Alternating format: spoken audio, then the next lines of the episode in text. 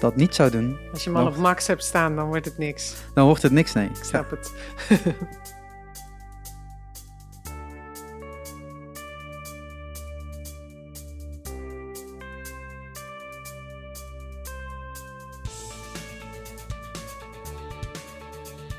meeste Mhm. mensen luisteren. Ja. Ja. Je kunt ook meekijken, mensen. Oh ja. Dat Oh, dat is een camera. Dat is een camera. Dat is ook interessant. Dus ik heb de camera aangezet, dat zie je aan het rooien. Ik begrijp helemaal niet hoe dat een camera kan zijn, maar dat geeft niet. Hij loopt. Zo Hij is het beeld. Jij staat in beeld, ik zit in beeld. En We zo, doen eh, het. Zo simpel gaat dat eh, tijdens een Shark Talk. Nummer eh, 63. Ik zei het vorige keer ook al, maar het is nu echt 63. Ik vergeet alleen steeds die, die, die cijfers. Ik moet er een keer mee stoppen, denk ik. ik weet nog niet hoe, ik- hoe ik dat eh, ga, ga oplossen, maar Mhm. gewoon een podcast en een naam hebben en dat zitten, geen nummers meer. Misschien is dat wel handiger, ja. Ja. Datum hooguit. Voor jezelf. Ja, maar die staat erin wel wanneer ik hem eh, upload. Oh, oké. Dus dan staat er al automatisch welke, Staat er al. wanneer, dat, eh, wanneer dat zou zijn. Hm, Ja, misschien voor, eh, voor, voor 20, eh, 2020. En anders, anders 2021. Eh makkelijk zat. Ehm, ja, hoe zullen we de intro- introductie doen eigenlijk? Ik weet het niet. Misschien moet je zeggen waarom je, me hebt, waarom je met me wilde praten. Ja, ehm, voor de mensen die eh, mij al wel langer volgen, dan begint het meteen over mij, dat vind ik altijd, maar, maar, maar niet. Eh, die weten dat ik meerdere podcasts maak, waaronder Live in Limburg, maar dat, eh, via deze weg wil ik alvast zeggen, die stopt. Ehm, maar ook de Bevrijdingsfestival Limburg podcast. En daar hadden we eerder dit jaar de eerste reeks van gemaakt, volgens mij zes, zes afleveringen. En daar hadden we drie onderdelen drie episodes van gemaakt. Echt op, op de regio, op Roermond. En drie eh, extern. Mhm. En eh, jij had ons destijds gemaild tot Ja. er een heel mooi boek, wat ook langs je ligt, ehm, eh, dat, die, dat die uit was. Ja, Met een heel mooi verhaal erin. ja. En dat triggerde ons eigenlijk allemaal. En mij in bijzonder. En ik denk, ja, dat is natuurlijk ook wel een echt een goed verhaal om in een podcast te vertellen. ja. En toen zijn we ergens in maart, april, denk ik dat het was. Ja, dat denk ik ook. Maart, Ja. april. Ja. Ja. Eh, hebben een eh, aflevering opgenomen die nog steeds online staat. Dus voor mensen die willen luisteren, kunnen nog steeds gewoon lekker terugluisteren. Eh, over het boek. Tot ergens in de helft zijn we geraakt. Het boek Want- Wael heet het. Ja. Ehm, en te gaan weg dat gesprek merkten we eigenlijk, we hebben eigenlijk veel meer te vertellen dan alleen dat half uurtje, 40 Dan minuten. wat we alleen, toen- en alleen over dat boek. dan alleen dat boek. Ja, dus ja, ja. toen dacht ik van, we moeten dat gewoon ergens een keer plannen. Ja. En toen kwam je aan, ja, ik ben toevallig in de buurt, in de regio. Eh, misschien moeten we dat dan wel vandaag doen. Ja. Ehm, ik ga je naam verkeerd uitspreken, maar Susanna Jansen, toch? Dat is niet verkeerd, dat is Yes, goed. Yes. ja, ik en namen, af en toe struikel ik daarover. Ehm, maar ja, je, jij schrijft boeken. Ja, Heel makkelijk gezegd. dat is Maar een hele bij- korte samenvatting. Ja, ik schrijf boeken, ja. Veel meer ja. bij kijken. En daar gaan we het in deze podcast eigenlijk over Ja. hebben. Ja. Hoe, je, hoe, je dat, hoe, je- hoe dat gebeurt eigenlijk. Of hoe het Ja. tot stand komt. Ja. Ik denk dat het goed is voor, eh voor degenen die nu aan het luisteren zijn... om eh, even niet mijn stem te horen, maar even jouw stem te horen. Oké. Over eh, waar je vandaan komt, hoe je terecht bent gekomen bij het boeken schrijven. Ja, dat, is, dat al is een lang verhaal. Nou, ik ga er eh, voor zitten. Ik weet niet of je het, dat hele verhaal wil. Ja, tuurlijk. We of dat je het over het schrijven wil hebben. Ja, dat komt daar daarna. Want er gaat altijd iets eerst, eerst aan vooraf. Ja, ik ben, ik ben dus schrijver. Ehm, nog niet zo heel lang. Mijn eerste boek is ehm 11, 12 jaar geleden verschenen. Eh, ik was niet van plan geweest ooit schrijver te worden. Dat leek me helemaal niks. Het heeft ook heel lang geduurd na mijn eerste boek, voor ik me erbij heb neergelegd dat ik, of neergelegd, voor ik zelf zeg ik ben schrijver. Heel lang dacht ik, ja, iedereen vindt mij een schrijver, maar ik heb één boek geschreven. Dat zegt nog helemaal niks. En bovendien wil ik niet één labeltje hebben. Ehm, maar inmiddels heb ik vier boeken geschreven, waarvan één kleintje, drie, drieënhalf. Nee, niet hoe je het vier. Oké, vier. Vier boeken geschreven. Ehm, en eh, dus nu noem ik mezelf schrijver. Met nog steeds de gedachte dat ik ook andere dingen kan en wil doen. En daarvoor was ik een heleboel andere dingen. Ehm, eh, ik heb schroevers gedaan, ik was secretaresse. Ik wilde een balletopleiding doen. Daar ben ik aan begonnen. Eh, dat is misgegaan. Eh, ik heb in de marketing gewerkt. Ik heb de HAO gedaan in de avonduren. Ik heb in Rusland gewerkt als journalist. Ehm, nou ja, dat ongeveer. En toen kwam ik ehm, in 2004 was dat, kwam ik een onderwerp tegen waar ik niet omheen kon. Waarover een boek geschreven moest worden. En dat onderwerp was mij, bedoel, ik was het tegengekomen. Dus ik wilde niet schrijven, maar ik, ja, het kwam, het, het, het, ik moest, daar kwam het op neer. En dat was een, um, ik werkte toen al als journalist freelance. Dus ik was bezig met schrijven. Um, en ik wist dat ik in elk geval nooit boeken zou willen schrijven. Want ik heb mensen in mijn omgeving die boeken schrijven. Dus ik wist dat dat heel eenzaam is. Je zit gewoon jarenlang in je eentje tegenover de computer. En ja, het lukt niet en soms wel. En een verschrikkelijke worsteling is het. En ik ben op zich niet bang voor een, voor een worsteling of voor je moeite ergens voor doen. Maar de eenzaamheid van het schrijven, dat is eigenlijk niet waar ik heel erg van hou. Uh, grofweg. Maar ik kwam een verhaal tegen. Wat ik, dit gebeurde. Ik kwam een. Um, ik vond bij mijn ouders op zolder een bidprentje. Bidprentje, dat is hier in katholiek Limburg wel bekend. Ik moet dat op andere plekken echt uitgebreid uitleggen wat dat, nou, je wat mag, dat dan je mag is. uitleggen, want je weet niet wie, wie hier naar luistert. Dus dat is absoluut waar, ja. Niet alleen maar Limburgs. Nee, dat, is- dat, is, dat is natuurlijk zo. Maar jij kijkt niet verbaasd, Nee. dat scheelt al. Nee. Een, een, klein, een klein prentje eh, van iemand die overleden is, waar dan heel beknopt iets op staat over die overledene. En dat bidprentje dat ik tegenkwam, was uit. Dat, ging, dat, dat bleek mijn overgrootmoeder te zijn. Geboren in 1856 en overleden in, ja, dat weet ik even niet meer precies, 1934 meen ik. Ehm, en er stond op dat zij geboren was te Norg, tussen haakjes, bij Assen. Nou, van Assen had ik gehoord, van Mhm. Norg niet. Ik was zo'n Amsterdammer die niet vaak buiten de stad kwam. Dat is veranderd. Je Ehm, bent hier, dus... ik, bijvoorbeeld, ja. Eh, en mijn moeder zag het bidprentje en die zei: Och, dat arme mens. Ja, die was geboren in Drenthe als protestant. En toen verliefd geraakt op een katholiek. Ja, toen was ze door de familie verstoten en onterfd. En ehm, ja, toen is ze naar Amsterdam getrokken om werk te zoeken. Nou, ik vond dat intrigerend. Maar ik hield me er verder niet zo mee bezig. Tot ik op een dag eh, ergens op een snelweg zat tussen Assen en Groningen en het bord, Nor bord Norg zag. dacht ik, god, dat moet ik toch eens uitzoeken. Want als ze onterfd is, dan staat er misschien wel in Norg een huis dat anders van ons had kunnen zijn. Dat leek me grappig om dat uit te zoeken. Voor de lol. Ja. Dus ik heb op een dag haar geboorteakte opgevraagd. En daarin stond dat zij niet zozeer geboren was in Norg, maar dat zij geboren was in het derde gesticht van Veenhuizen. Ik wist niet wat Veenhuizen was, waar dat voor stond, maar ik dacht geboren worden in een gesticht en onterfd zijn, dat Dat is wel heel vreemd. leek mij niet bij elkaar passen. Ja. Dus ik ging googlen, ik ging het uitzoeken. Er stond op dat moment heel weinig informatie over Veenhuizen, dat dorp, op het internet. Dat is heel erg veranderd de laatste jaren.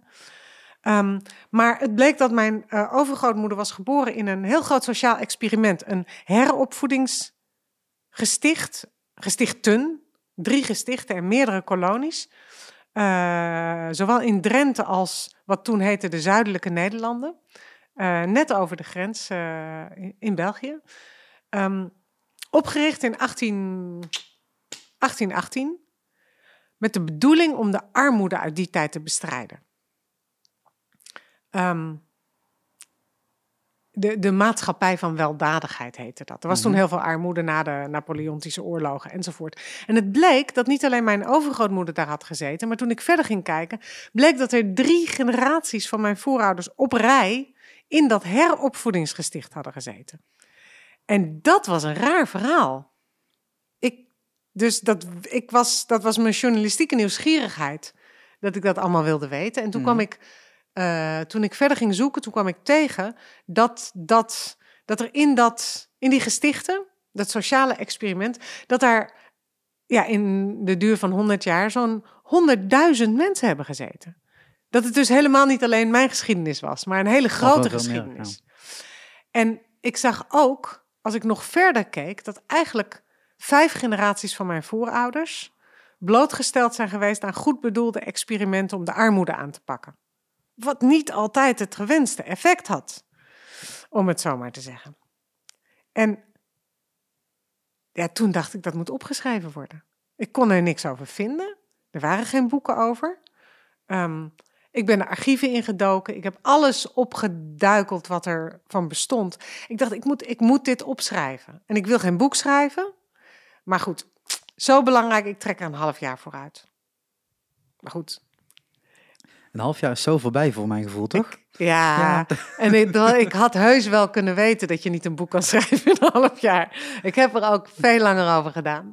Ik heb uiteindelijk eh, vier jaar, meer dan fulltime, daaraan gewerkt.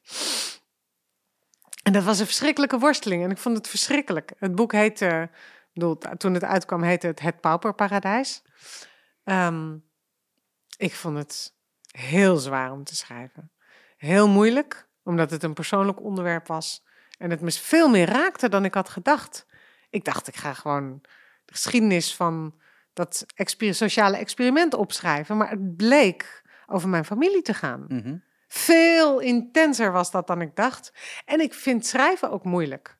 Het is moeilijk, de, het, het- de compositie van het schrijven vind ik moeilijk. Hoe, hoe bouw je een verhaal op? Ehm, waar gaat het eigenlijk over? Wat wil je eigenlijk zeggen? Dat, daar worstel ik heel erg mee. Maar als je, als je begint met zoeken, ben je dan nog niet mee bezig, neem ik aan. Dan ben je Nee. echt bezig met die research, Ja. om al die data te vergaren, Ja, om en dat, daarna iets ja. mee te gaan doen. Nou, kijk, en dat is het fantastische, vind ik, van schrijven. En zeker van, ja, tot nog toe schrijf ik non-fictie. Maar dat, bedoel, ik vind, dat dat is geen is. principiële Nee, kwestie, ja. dat kwestie. Dat is toevallig zo uitgepakt tot nog toe. Ehm, de research, dat is gewoon een speurtocht. Dat is echt fantastisch. Je wil iets weten, je gaat het zoeken. En dan wil je nog iets weten en dan ga je daar achteraan. Dus dat stadium vind ik geweldig. Ja, maar je gaf net al aan, toen je daaraan begon, wat dus 14 jaar geleden, nu 15 jaar geleden is? 2004. Ja, dus 15 jaar geleden. Ja. Ja, Ja, ja, ja, dat tijd klopt. vliegt. Ja. Ehm, ehm, toen was Google nog niet zoals het nu was. Nee, maar ik ging archieven in. Maar archieven, eh, dan denk ik aan alle filmbeelden die ik dan weer ken. Grote rijen boeken langs elkaar, ordners, Mappen. in, in ja, mappen, map- mappen en microfiches. ja. Ja. Hoe, hoe, vind, hoe vind je daar iets in? Ik bedoel, van mijn generatie is gewoon typ in Google, klaar, einde discussie. Precies. Staat daar niet, heeft niet bestaan. Dan bestaat het niet. ja. Niet helemaal de beste oplossing, weet ik Nee, inmiddels, nee, maar- dat is niet. Nee, dat, dan mis je wel iets. Ja, maar is, is nou, dat... eigenlijk, eigenlijk, kijk, dat wist ik ook niet. Ik was nog nooit in een archief geweest. Ik wist niet eens dat er archieven, dat er zoiets bestond als rijksarchieven en provinciearchieven en gemeentearchieven. Die zijn er. Eh, ar- archieven van de katholieke kerk, archieven van het kloosterleven. Alles. Alles is gedocumenteerd Van destijds. bijna ja. alles zijn archieven. In de jaren zeventig is er heel veel weggegooid. Dus niet alles is bewaard gebleven, helaas. Ehm, ik ben naar een archief toegegaan. Amsterdam Stadsarchief, daar moest ik beginnen. En ehm, ik ben naar de Bali-medewerker gelopen. En ik heb gezegd, help! ik, eh, eh, ik zoek zoiets. Wat moet ik doen? En die gaf mij instructies. En dan vond ik iets. En dan zei ik, en nu? En dan gaf hij me weer instructies. En ehm, zo heb ik het een beetje geleerd. Maar dat is in elk archief anders. Je, je, er zijn, ja, hoe leg ik dat nou uit? Er zijn, je kunt vinden, je kunt op onderwerp vinden welk, welk nummer je moet zoeken. En dat nummer is dan een kast met microfiches of met documenten of weet ik veel wat. Mhm. En dan vraag je dingen aan en die krijg je dan, dan kijk je erin. En dan zit je ineens in je handen met, voorbeeld, het het dossier van de steun uit de jaren 30, de allereerste uitkering in Nederland, tijdens de crisisjaren, van mijn eigen, van het gezin waar mijn moeder in opgroeide. En dan lees ik dat ze een aanvraag deden bij de steun, omdat hun jongste kind van zes nog in een wiegje lag, opgekruld, omdat er geen geld was voor een ander bed. En alle bedden al door twee of drie kinderen werden bezet. Nou ja, dat is, dat is zo. ehm, Dat is, dat, dat is dat, dat, als je het op internet zou kunnen vinden, doet dat heel veel minder. Het is zo, dat, dat raakt je zo, mij. Ik vond dat heel heftig om te lezen. En zo kun je één voor één dat soort documenten vinden met een enorme waarde. Zelfs al vind je dingen online. Ga alsjeblieft naar het archief als het je echt interesseert. Dan heb je het in je hand. Een handtekening van, van mijn bedovergrootmoeder. Nee, haar trouwakte, waarin ze met een kruisje tekent. 1835. Ja, ja, de, Ehm, handtekening was heel anders. Omdat ze niet kon tekenen. Nee, Ze kon niet schrijven. Ja. Eh, ja, en zoeken in de archieven kost tijd. Maar je wordt geholpen door archiefmedewerkers en je vindt er schatten. Want als je, als je, als je erover wil schrijven, voor mij geldt dat, als ik ergens over wil schrijven, moet ik er wat bij voelen. Ja, en dat, en dat krijg je veel meer op deze manier natuurlijk. Veel meer. Maar hè, heel zakelijk dan, is het, kost dat dan geld om zo'n archief in te duiken? Nee, Dus- ehm, alle archiefinformatie is van ons allemaal. Oké, Want dat, dat is ons, ons, onze achtergrond, onze schatkamer. Daar komen we allemaal vandaan. Dus archieven zijn gratis. Toegang is gratis. Advies is gratis. Hulp is gratis. Je moet wel betalen voor kopieerkosten. En als je wil dat iemand Fair. anders het voor je uitzoekt, moet je daar ook voor betalen. oké, maar dat is fair deal, toch? Dat vind ik heel Ja, fair, ja. ja. ja. Ehm, maar hè, dan, tegenwoordig heb je de AVG. Hè, de, tot, je, tot je niet zomaar allemaal Nee, publieke... Oh, maar die regels zijn er al lang in archieven. Ja. Dus informatie Dus hoe krijg jij dan informatie over... Nou, persoonlijke informatie. eh, ik meen dat daar een. eh, dat je alleen maar persoonlijke gegevens van 75 jaar of ouder mag inzien. Oké, een beetje auteursrechtelijk. Het is op een gegeven moment verlopen en dan is het oké. Ja, nee, meer persoonlijk. Dat je, dat je niet van, van je buurman mag uitzoeken eh, wat er in zijn leven is gebeurd. Nee, nee, inderdaad. Daar, daar gaat het eigenlijk over. En mensen die 100 jaar geleden zijn overleden, oh, geboren, 100 jaar geleden zijn geboren, Ja, Ehm, dat, dat, die archieven geven ze ook vrij, dus de persoonlijke informatie. Als, als zo iemand overleden is. Nooit als iemand leeft. Nee, nee. Nooit. Ehm, dus daar zijn allemaal regels voor. Mhm. En ik, ja, ik heb van lang geleden gezocht. Ja. En dat kan in archieven. En dat is... eh, pff, jongens, ga er eens heen. Dat is geweldig. Dat, is, dat, zijn, dat, zijn, dat zijn echte schatten die je daar kunt opgraven. Als je enig idee hebt in welke richting je wil zoeken. ja want dat, dat, ik denk dat dat een van de grootste struikelblokken is. Als je voor zo'n kast staat dat je geen enkel idee hebt waar je Nee, maar je staat dus je niet voor een kast. Nee, maar je begint ergens. Je, bent, je moet ergens... Er is iets wat je wil ja, weten. ja. Je moet beginnen met iets wat je wil Ja. weten. En ehm, ja, dat kan gaan over de geschiedenis van je, van je stad of van een bepaald gebouw of noem maar op. Maar voor heel veel mensen begint het met je familiegeschiedenis. Waar kom je vandaan? Ehm, jij was toen op zoek naar het verhaal van de locatie als eerste. Toen bleek het de familie te zijn. En Nou, niet toen bleek de familie heel, heel- heel, heel breed, belangrijk ja. element in het Ja. verhaal te worden. En dan, dan ga je dat uitpluizen, wat dan niet binnen een half jaar gelukt is. Nee. nee. Ehm, maar daarna, op een gegeven moment, moet je wel een moment hebben- schrijven, gaan ja. schrijven. Hoe, hoe is die omslagpunt dat je op een gegeven moment denkt, ik heb nu genoeg? Nou, voor mij gaat het, loopt het een beetje door elkaar. Dus, dus wat ik nodig heb, ehm, eerst is een soort basisbegrip van waar ik het eigenlijk over heb. Dat vergt een hoop research, inlezen, snappen ehm, wat is eigenlijk het verhaal of welke richting gaat het verhaal eigenlijk uit. Want Ook- wat het ook is, is, is het een verhaal? Of is dat niet... Eerste vraag, is het een verhaal? Tuurlijk, tuurlijk. Dat is de eerste vraag. En dan moet je daar een gevoel voor krijgen van, is dit een verhaal waar ik wat mee kan? Zie ik het verhaal? Eh, het zal ongeveer dit of dat zijn. En dan denk ik al heel snel, of snel, ja, weet ik veel. Dan denk ik in structuur of losse verhalen of hoofdstukken. Oké, En dan, ehm, oké, laat ik het heel anders zeggen. Ik ben net in september met een nieuw onderwerp begonnen. Ik ga het niet vertellen, want dat durf ik niet. don't jinx it inderdaad. Dat is heel, dat is heel. Dat is nog ehm, te nieuw. Ja, dat is te nieuw. Dat Ja, kan breken ja, als ja, ik het vertel. Dat kan gewoon niet. Ehm, maar ik, ik heb de afgelopen maanden research gedaan. Het is een onderwerp waar ik wat meer van weet dan dat eerste onderwerp waar ik net over vertelde, Papenparadijs.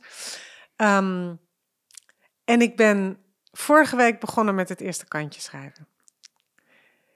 Ik heb het idee dat ik weet hoe de structuur moet. Maar ik, dat is, ik weet dat dit, dat dit niet waar is. dus ik, heb een, ik had een idee van het eerste hoofdstuk. Oké, Dus ik heb een algemeen idee en dan heb ik een idee van het eerste hoofdstuk. En dan, moet ik, dan wil ik heel snel gaan schrijven, meteen. Want ik heb zinnen en gedachten en dan ga ik schrijven. En dan denk ik, oh, maar ik moet toch eigenlijk dit nog even uitzoeken. Dan moet ik dat uitzoeken. En oh, zou daar nog wat zitten? Dus dan begin ik met schrijven. Maar dan pas merk ik wat ik nog meer moet weten om dat hoofdstuk te schrijven. En dan ga ik verder met research. Oké. en dus dan ga dat- ik weer terug naar mijn tekst. Dus dat wisselt elkaar af. Precies. En na elk hoofdstuk, of na elk concept hoofdstuk of probeersel van een hoofdstuk, denk je dat je weet hoe het verder moet. Maar dat moet dan toch weer anders. Dus, Dus- dat is ook gewoon heel vaak opnieuw beginnen. Of Ja, je- een nieuwe ja. structuur inbrengen om weer Ja, bij het volgende het punt wordt te kunnen steeds een komen. nieuwe structuur. Ik, ik, ik heb, ja, eh, het is heel plastisch. Ik, ik maak altijd mapjes. Mhm. Dus plastic mapjes met een stickertje erop met de naam wat erin zit, het onderwerp. En dan ik zoek informatie. Ik, alles wat ik nodig heb, moet ik printen op papier. Want ik moet erop kunnen schrijven. Mhm. Want dan kan ik mijn gedachten erop schrijven. En ik kan er ook, als ik meer dingen erbij uitzoek, schrijf ik het op. Dan hoef ik dat niet over een half jaar nog een keer uit te zoeken.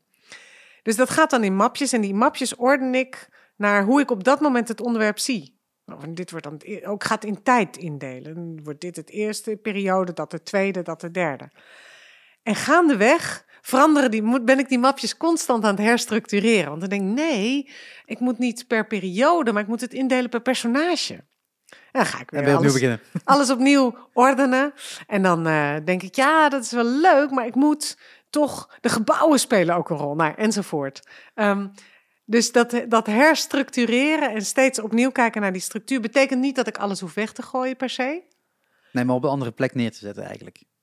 Ja, en dan krijgt het een andere rol in het verhaal. Ah ja, dat en dat nog, komt ja. omdat ik dan gaandeweg denk...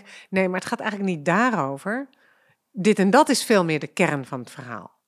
En dat blijft veranderen tot ik aan het einde van het verhaal ben... wat heel lang duurt. Zeg maar bij het, het voorlaatste boek wat ik heb geschreven... Ondanks de zwaartekracht heet dat... heb ik vijf jaar over gedaan. Ik dacht, het wordt makkelijker als je eenmaal begonnen bent... maar vergeet het maar. En dan heb ik van die vijf jaar heb ik.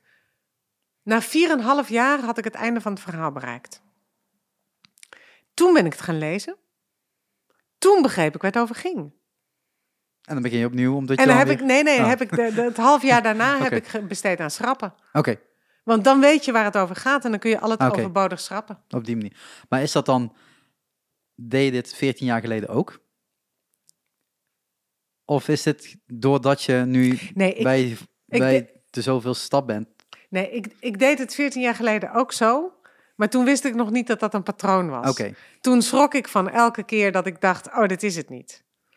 En eerlijk gezegd blijf je dat doen hoor. maar, maar is, dat, is dat dan Maar eigenlijk- nu zie ik ineens, oh, zo doe ik het elke keer. Maar is dat dan werken eigenlijk ook in moodboards en in en, en, en een bocht maken met je hoofdstukken daarop en dat dan ook herstructureren? Ja, maar ik Maar doe dan het niet in, in een map- ik maar dan niet met ik, precies, Ja. ik doe het met mapjes. En dan schrijf ik, dan pak ik een wit velletje en dan ga ik een overzichtje maken van hoe ik denk dat het soort is. index. Ja, maar dat is al echt al halverwege het schrijven is het alweer overbodig. Want dat, dan denk ik ineens, oh, ik weet het. En dan schrijf ik het op. En terwijl ik het aan het opschrijven ben, zie ik dat het niet zo is. En Ja. dat het anders is. En dat, tsk, tsk, tsk. Dus het is, het is, het is heel ingewikkeld.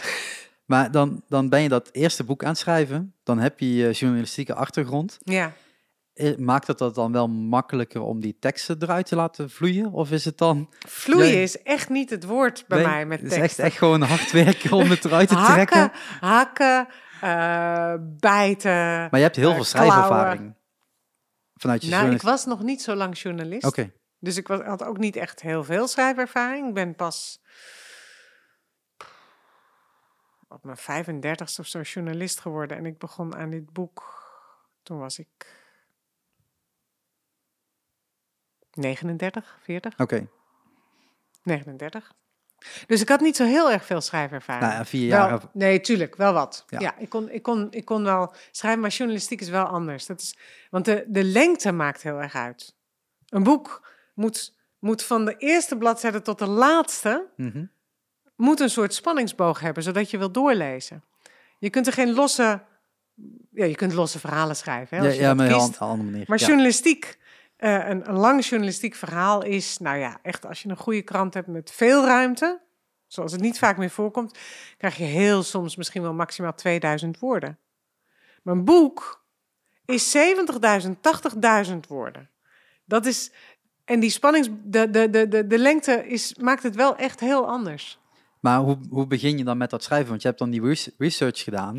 En dan moet je die eerste woorden op, op papier gaan Ja, ik- zetten. en ik- daarna komt dat herstructureren en dan opnieuw Ja, nadenken en ja. bijzoeken. Nou, eh, ten eerste, het is heel erg. En de dag dat je wil beginnen, begin je niet. Ehm, maar ik merk dat ik meestal begin met een plaatje. Dus ik moet een plaatje in mijn hoofd hebben. Ja? En van daaruit kan ik een, een eerste alinea schrijven. Eh, een situatie, een setting, een, ja, een plaatje. Maar dat hoeft dan weer niet uiteindelijk de eerste linia van het boek te zijn dan. Dat hoeft het niet te worden. het het is gewoon super fijn als het wel lukt. ja. Nou, dat, dat, ik, ik, ben niet, ik kan niet zomaar opschrijven met het idee van, ach, het wordt misschien anders. Dat, dat kan ik. Dus terwijl ik schrijf, wordt het wel de eerste alinea. Oké. En dat kan dan later veranderen. Ja, ja, aanpassen en ik bijschrijven. heb bijvoorbeeld in het schrijven. Pauperparadijs heb ik een, eh, heb ik een hoofdstuk wat eigenlijk op drie kwart stond, heb ik aan het begin gezet. Oké. Ehm, Maar dat, ja, dat is weer achteraf. Dat zie je pas, Ja, dat ja. kun je, dat zie je dan ineens, denk je, oh, ik moet daarmee beginnen, want Ja. dat werpt dan een, een verwachting vooruit. En dan ga je, want ja, je bent bezig met denken over de taal, dus de woorden die je gebruikt, de zinnen, het ritme van de zinnen, korte, lange, eh, eh, zodat het sneller leest of juist langzamer, afhankelijk van de situatie en wat je wil zeggen. Ehm, de opbouw van de alinea's. eh, maar je bent ook bezig met de compositie van het geheel. Dus er zijn heel veel niveaus waarop je moet. Met iedere Denken. volgende zin die je schrijft, moet je daar rekening mee elk houden. woord. Elk woord, ja, sorry. Gruwelijk. Horror. Ja, ik kan, me, ik kan me iets van voorstellen. Ik heb totaal niet geschreven. Hè. Ik bedoel, mijn, de eh, stukken tekst die ik schrijf zijn de reviews en dergelijke die ik heb gedaan natuurlijk. En nu voor de PR Ook daar, dat let je, ook daar let je al op, hè? Ja, maar dan merk ik gewoon tot ik gewoon denk van ja, eh drie kwart hoef ik al niet te zeggen, want dat staat daar of dat is zus. En dan ga ik dat al niet meer schrijven. Mhm. En op een gegeven moment eh, vind ik wel, moet wel een beetje effectief zijn. Terwijl bij jou is het eigenlijk, je moet zoveel mogelijk schrijven om daarna Te kunnen schrappen. te kunnen strappen. Ja. En zoveel mogelijk is het ook weer niet. Want terwijl ik aan het schrijven ben, weet ik al. Dit gaat niet gebruikt worden, dit is wel... Soms weet ik dat, ja. Ja. En, ehm, maar van sommige dingen weet ik nog net niet of ze bij de hoofdzaak horen of niet. Ja. Die moet ik allemaal wel opschrijven. En natuurlijk schrijf ik heel veel op waarvan ik de volgende dag denk: oh nee, dat, ja, dit is overbodig. En dan schrap ik het weer. En dan Ja. ben ik de hele dag met een alinea bezig geweest om hem heel mooi in elkaar te puzzelen. Nou goed. En die Dat niet. hoort er dan bij. En ik heb nog een heel grappig fenomeen ontdekt in mijn eigen teksten. Dat ik meestal de laatste alinea van een hoofdstuk schrap. En dat, dat is een...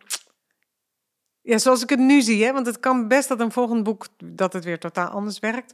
Maar ik ben geneigd aan het einde van een, aline- van een hoofdstuk nog een soort conclusie-alinea te hebben. ja. En die moet ik opschrijven tijdens het schrijven, want dat is een soort stutwerk. Mhm. Ik, ik, ik, en het, dat gaat ook met tussenzinnen bij alinea's. Soms moet je opschrijven en dus vond hij dit of dat. Ja. Die conclusieachtige dingen die ik nodig heb om te begrijpen waar het in godsnaam over ja. gaat. Voor dat raamwerk goed te kri- zetten. Precies, je moet het raamwerk maken. En pas als, als het hele verhaal staat, kun je het raamwerk weer weghalen. Ja. En als je dan eh, dat, dat aan het schrijven bent, kijk, ik, ik, ik denk dan nu aan films, want dat is voor mij een Mhm. makkelijkere link. Vaak heb je van die extended versions, waar nog Ja. meer verhaal in zit. Ja. Dat is hetgeen Ja. wat jij eigenlijk aan schrapen Ja.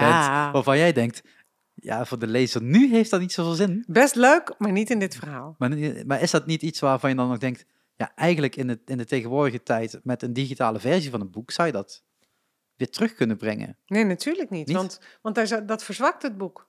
Maar het verzwakt heel veel films niet, door dat extra stuk erbij te vertellen. Ja, films weet ik niet zoveel van. Maar je bedoelt als los van het boek. Nee, dus, eh, bijvoorbeeld eh, sommige eh, eh, filmmakers die maken films van 2,5 uur Ja, en die moeten een half uur eruit halen. Ja. Dat is veel. Dat is heel veel. ja dat, is dat lijkt me verschrikkelijk. maar fi- bij films is er een bepaalde tijd die nodig is. En moet je dus soms dingen eruit halen die voor het verhaal wel goed zijn, Mhm. maar niet voor de duur van de film. Ja. In boeken is dat niet zo. In boeken kun je de lengte kiezen die bij het verhaal hoort. Dus wat ik uiteindelijk schrap, zijn dingen die misschien wel mooi en interessant zijn, maar die eh, bijvoorbeeld te uitgesponnen zijn, waardoor de spanningsboog niet meer werkt. Oké. Of die te veel een uitweiding zijn, waardoor je niet meer helder bent in, de, in het verhaal waar het verhaal over gaat. Dus voor mij is het enige criterium, wat is goed voor het verhaal? En Maar- dan moet er vaak geschrapt. Maar je ge- geeft aan bij het Pauwpot Paradijs, het eerste boek. Mhm. Waar haal je die ervaring vandaan dat je weet dat dat eruit moet? Ja, lezen. Ehm, Oké, ik, ik heb. ehm, mijn man is schrijver en die is dat al heel lang. En ik ben al nou, bijna 30 jaar sinds ik met hem ben. Eh, toen begon hij trouwens, was hij nog maar was hij journalist die hele kleine stukjes schreef. Eh, maar ik heb van het begin af aan meegelezen. En ik ben met hem, met hem meegegroeid. Dus hij als schrijver en ik als, ja, zeg maar, zo'n persoonlijk redacteur. Ehm, en dan krijg je een, als je veel leest, krijg je een gevoel voor wat erbij hoort of niet. Ik weet niet of ik dat gevoel al had en dat het daarom nuttig was dat ik meelas. eh, met zijn werk, dat doe ik nog steeds trouwens. Mhm. Of dat ik het daar heb geleerd en het daardoor beter kan, dat weet Ja. ik niet. Maar ik vind, het voor, ik vind het zelf niet moeilijk om in wat ik schrijf te beslissen wat er wel of niet bij hoort. Ik weet dat dat voor sommige andere mensen heel moeilijk is. Maar dat ik, ik kan. Ik kan naar mijn tekst kijken alsof ik hem niet geschreven heb. Oké, gewoon echt puur redactioneel. Ja, dit niet, wel, dit niet niet. puur, maar grotendeels. ja. Ja, gewoon het is een gevoel van, oh hier, hier verlies ik de hoofdlijn. Of ja, ik, ja. Dat, dat kan ik heel moeilijk uitleggen hoe dat zit. Maar dan ben je het, eh, het, eh, het boek aan het schrijven. Dan Mhm. heb je op een gegeven moment eh 80.000 eh, woorden op papier. Ja, 100 bijvoorbeeld, ja. Ehm, dan, dan lees je het opnieuw door. Ja.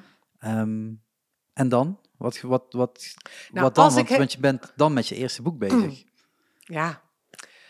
Ja. Is het dan ehm, eh, victory, handen omhoog, ik ben klaar? En Nou, op een, gegeven moment, op een gegeven moment komen er heel veel juichmomenten. Dus eerst ben je jaren aan het worstelen en Ja. dan bereik, zo werkt het voor mij, dan bereik ik het einde van het verhaal. Echt het laatste hoofdstuk. Dan zit ongeveer alles erin wat ik erin Ja. wil hebben. Eh, op een paar losse vlodders na en die prop je er dan later wel ergens in. Mhm. Het einde, dat is hoera. Ja. En dan ga ik het lezen. En dan denk ik, oh, dit is best aardig. Oeh, dit is niet zo goed. Oh, wat zal ik daar eens mee doen? En dan, en dan, dan begint het schaven. En het, ik heb daarvoor al heel veel geschaafd. Hè. Ik heb Ja, ja, al heel tijdens, veel, tijdens het de schrijfproces. hele ja. tijd tijdens het schrijven is het de hele tijd schrijven en schrappen en aanpassen en, en, en eh, veranderen enzovoort. Maar dan, dan, dus toen begreep ik ineens waar het over ging. Paradijs was voor mij ingewikkeld, want ik dacht, gaat het nou over de geschiedenis van dat sociale experiment, Veenhuizen? Of gaat het over mijn familie? En hoezo vertel ik die geschiedenis nog verder nadat mijn familie al lang weg is uit Veenhuizen? Dat gaat toch niemand pikken? En, by the way, is het eigenlijk een persoonlijk verhaal of is het een maatschappelijk verhaal? Ik had geen idee. Mhm. Ik had geen idee. En ik had geen idee in welke. Het zit er allemaal in, hè? In ja, welke ja. verhouding dat zat. En toen ik het las, toen zag ik ineens. Oh, maar die hele lijn over hoe wij omgaan met armoede. Hoe wij de afgelopen 200 jaar zijn omgegaan met armoede in Nederland. En wat voor effect dat op individuen heeft gehad. Die zit er gewoon in. Dus dat ik verder vertel over mijn familie. Nadat ze zijn vertrokken uit Veenhuizen. Dat is eigenlijk heel logisch. Ja, Dus dat hoort erbij, ja. dat is wist ik niet. Dat wist ik niet. Dat was echt van, oké, God zegene de greep. Ik doe het, want misschien, ik denk dat het ermee te maken heeft. En dat bleek heel logisch te zijn. En het bleek dat sommige andere dingen, dat weet ik allemaal niet precies meer, maar dat ik sommige andere dingen minder aandacht hoefde te geven. Maar dat betekende bijvoorbeeld dat ik niet meer zoveel stutwerk nodig had om die periode na Veenhuizen erin te houden. Mhm. Dus daar kon ik heel veel uithalen. Ja. Ehm, nou ja, en dan doe ik nog een versie en dan laat ik het aan mijn uitgever lezen. Oh, de- als, het, als ik uit het einde ben, laat ik het aan mijn uitgever lezen. Maar dat is je eerste boek, hoe kom je dan bij een uitgever? Ja, Is dat gewoon je conne- connecties uit het verleden? nee, ja het was... Of Het is- was ehm, Of is het ook gewoon opsturen naar vijf, zes nee, verschillende... nee, nee. Ik zou zeggen, dat, dat heb ik niet gedaan. Ik werkte als journalist freelance. Dan ga je ook niet een verhaal schrijven en opsturen. Dan stuur je eerst een, een voorstel op van een alinea. Van ik denk aan zo'n zo'n soort verhaal. Ben je, ben, je, ben geïnteresseerd? Ehm, dus bij een boek dacht ik ook, ik ga niet een heel boek schrijven en dan opsturen. Ik wil eerst weten of een uitgever er überhaupt wat in ziet. Want dat helpt mij ook om na te denken of het de moeite waard is. En ik was, ehm, ik was moeder geworden. En ehm, via, laat ik zeggen, het mama-netwerk, hm. dus andere moeders op de crash, ja. kwam ik bij een uitgever terecht. dat is het eigenlijk. Hoe, het kan lopen. Ja, ja dat, uh, je hebt het Old Boys Network, maar je hebt ook het Zandbak-netwerk. Dus um, dat werkte heel goed. Nee, daar, daar werkte iemand die bij een uitgeverij werkte en die, die wist een redacteur die, waarmee ik een keer zou kunnen praten. En, die, en omdat ik als journalistiek werk had gedaan, kon ik al laten zien dat ik kon schrijven. Ja. Of dat vonden ze in elk geval. En ik moest natuurlijk een, een, een synopsis opsturen. En dat leek ze interessant genoeg om in elk geval eens maar eens over te praten. Dus ik, ik was uh, bij een uitgeverij terechtgekomen uh, voor ik echt ging schrijven. Ja, daar waren wel een paar maanden werk aan vooraf gegaan. Hè? De research uh, was je allemaal begonnen. Dus, ja, ik was al begonnen, anders wist ik niet dat het een verhaal was. Um, dus dat, dat was al gedaan, dat hoefde niet daarna. Dat was natuurlijk, zo'n uitgever zegt dan... Um, Oké, we gaan met jou in zee, uh, mits de kwaliteit goed is. Dus het hangt uiteindelijk alsnog volledig af van, van, je eindresultaat. van wat je brengt. Ja. Uh, maar ze waren geïnteresseerd en ik mocht af en toe met ze praten. Dat was. Dus ja, na zo'n eerste versie, toen liet ik het lezen. En dan komt er commentaar van de uitgever. Ik had zelf gelezen, ik had mijn eigen commentaar. Um, uh, nou, dan weet je dat er nog heel veel gebeuren moet. Dat je moet gaan schrappen in mijn geval. Hè. Dat, is, dat is voor mij het belangrijkste wat ik aan het einde doe. En dan doe ik het nog drie, vier, vijf rondes. Maar dan hebben en zij. steeds meer schrappen. Ja, maar hebben, zij hebben dus gelezen. Ja. En zij komen met. Komen zij ook met nieuwe dingen aan? Of is het dan vooral dit, dit doe maar niet, want dat heb je daar en daar al verteld, of weet ik veel wat. Het, nou, het dat, gaat, dat gaat niet zo gedetailleerd. Oké. Het was meer. Uh, uh, dat, dat gaat meer op grote lijnen. Of de structuur van het verhaal klopt. Okay. En en natuurlijk af en toe een zinnetje van, hé, hey, dit snap ik niet. Of wat betekent, dit heb je niet zo opgeschreven dat ik het kan begrijpen. Ja. Um, het... En laat je het dan daarna nog door anderen lezen? Of is het gewoon jij die weer opnieuw begint met lezen en... Nou, ik heb bij het Papenparadijs heb ik, um, dus mijn man leest altijd mee, zoals ik ook bij hem bij al zijn boeken doe.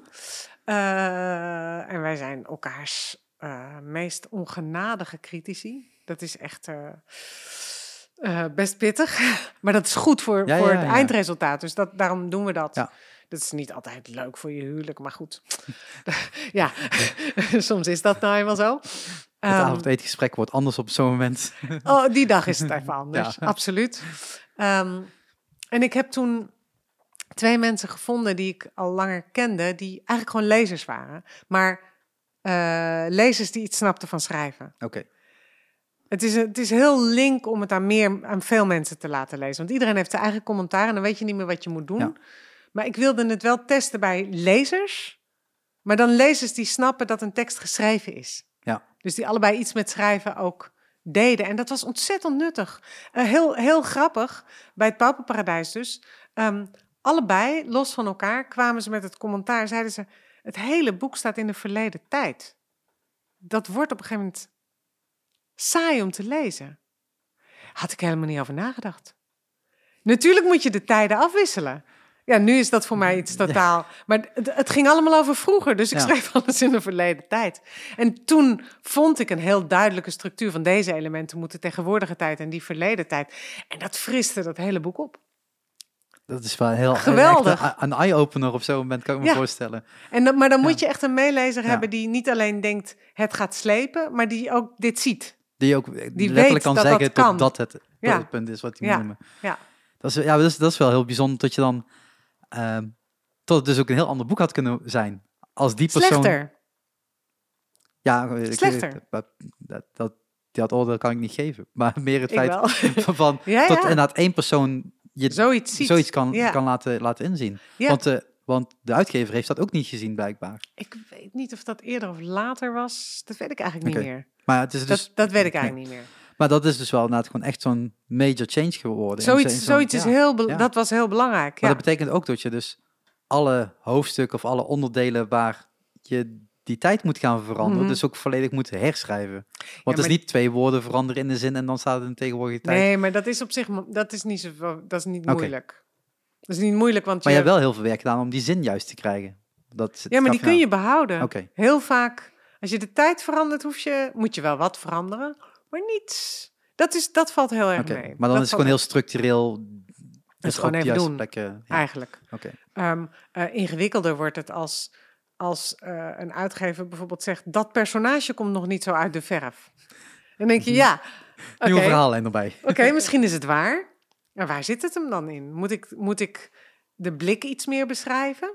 Of moet er een heel verhaal aan toevoegen? Of is het alleen maar daar een zinnetje en daar een zinnetje? Nou ja, Ja, ja, dat, dan wordt het een ander dus- punt. Ja. dat zijn veel moeilijkere kwesties die je, Ja. die je dan tegenkomt. Ja. Dat, dat, ja, En, en dan heb je die afrondende fase, want dan heeft iedereen het gelezen die het moet lezen. Iedereen heeft zijn input gegeven. En da- daar trek ik me wel of niet iets van aan. Mhm. Dus dat is, dat is, sommige punten kun je heel erg over twijfelen, maar ik, in dat stadium, als ik al zover ben, heb ik meestal toch wel vrij snel een idee van, oh, dit is een goed idee, of nee, hier ga ik niet naar luisteren. Nee, maar dat is alleen maar fijn als je die helder, duidelijke visie voor jezelf hebt. Ja, Dat je dus niet dat is mazzel, want door, door één komt omdat ik- windvlaagje... Omdat ik al die jaren daarvoor zo twijfel. Ja. Dus dan heb ik alle vragen al zo'n beetje gehad in Ja. mijn hoofd. Misschien is het zoiets. Maar dat is goed, ook voor degenen die deze podcast luisteren en wellicht een boek aan schrijven zijn of willen schrijven. Zo van, je moet ook jezelf zo kritisch bekijken en je moet ook al die vragen stellen, want ze komen ergens sowieso een keer terug. Ja, bedoel, je kunt ze beter alvast zelf getackeld hebben en een antwoord daarop vinden. zoeken. Ja, Ja, en, en, en ga er niet vanuit dat je. Dat, ja, het is, dan ga ik als een juf praten. Dat wil ik helemaal niet. Maar het is het, is het zoeken is de essentie. mhm. Dus het zoeken naar wat wil ik eigenlijk echt vertellen? Wat is nou Ja. de essentie van wat ik wil vertellen? Waarom wil ik dit verhaal überhaupt vertellen? Wat is. Wat, ja, dat, ja, wat wil ik hiermee doen? Dat, dat is een hondsmoeilijke vraag. Die je ook bij alles wat je schrijft en hoe verder je in het proces komt, steeds opnieuw moet stellen. Ehm, en ga er niet, het, het, het gaat niet om dat je het antwoord vindt. Ja, het is heel fijn als dat op den duur lukt, hè? zeker waar. Eh, zeker. Maar metsel jezelf niet dicht. Want het, het, het, het zoeken maakt dat je iets van waarde kunt toevoegen. Iets Mhm. kunt maken. Iets Ja. wat er nog niet is.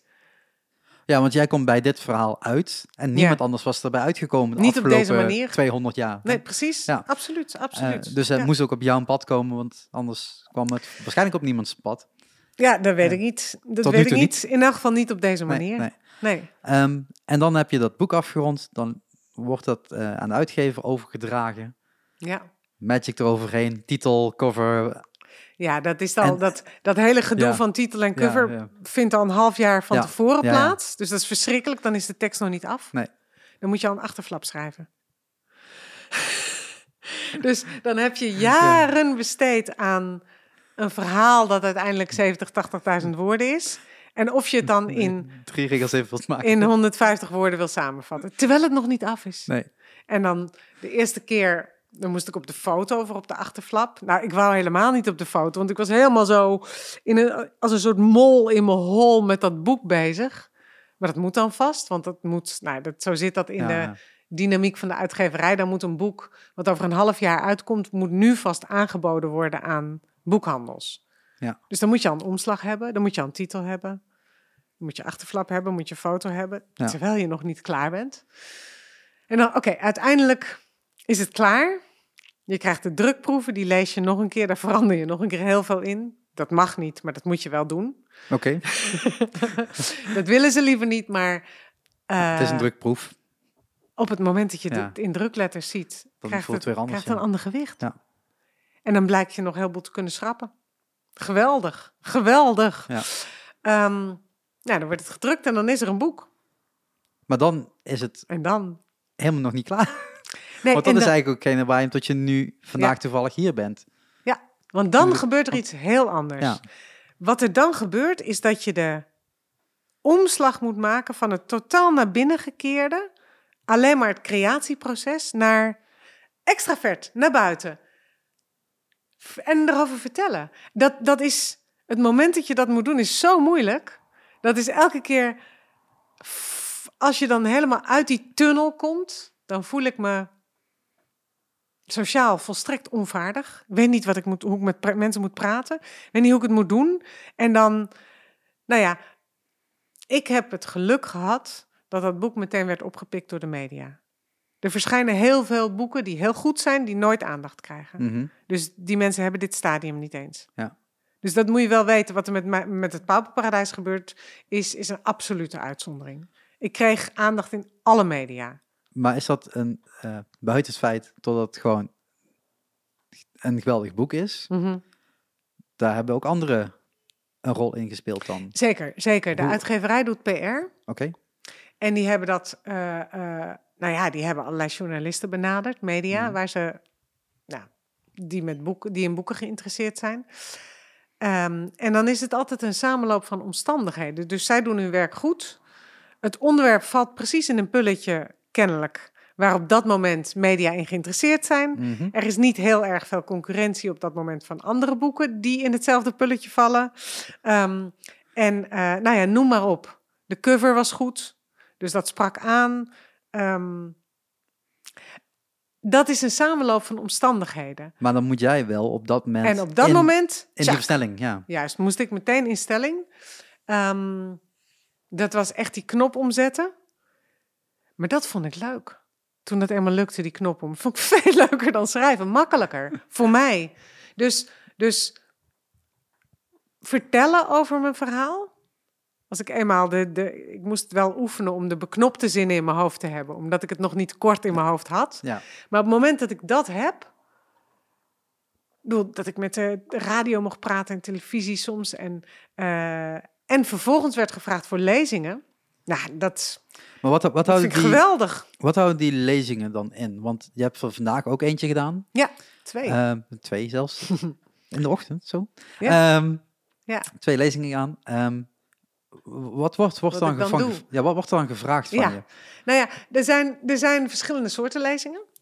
Dus eh, er zijn eh, literaire lezingen. Dus dan, dan vertel je, dan, dan zijn de mensen die luisteren, zijn mensen die in boeken geïnteresseerd zijn. Dus dat is dan of in een bibliotheek of in een boekhandel of bij een literaire kring, een culturele organisatie. En dan ga je vertellen over je boek. Over hoe je het hebt geschreven of waar het over gaat enzovoort. Eh, dat doet elke schrijver anders. Hè? Hier is geen vaste regel Nee, nee, voor. Eh, sommige schrijvers willen alleen maar geïnterviewd worden. Sommige schrijvers lezen alleen maar voor. Sommigen vertellen een heel verhaal. Dat is totaal verschillend. Maar dan gaat het om de beleving van het boek en de schrijver. Maar omdat ik non-fictie schrijf, ehm, tot nog toe, word ik ook gevraagd om over het onderwerp te vertellen. Dan ben je opeens de expert daarin dan. Ja, in zekere zin. Of in elk geval kan ik daar een verhaal over vertellen. Mhm. Ehm, bij het Pauperparadijs bijvoorbeeld heb ik heel veel lezingen gedaan. En word ik nog steeds voor gevraagd trouwens, al bijna twaalf jaar.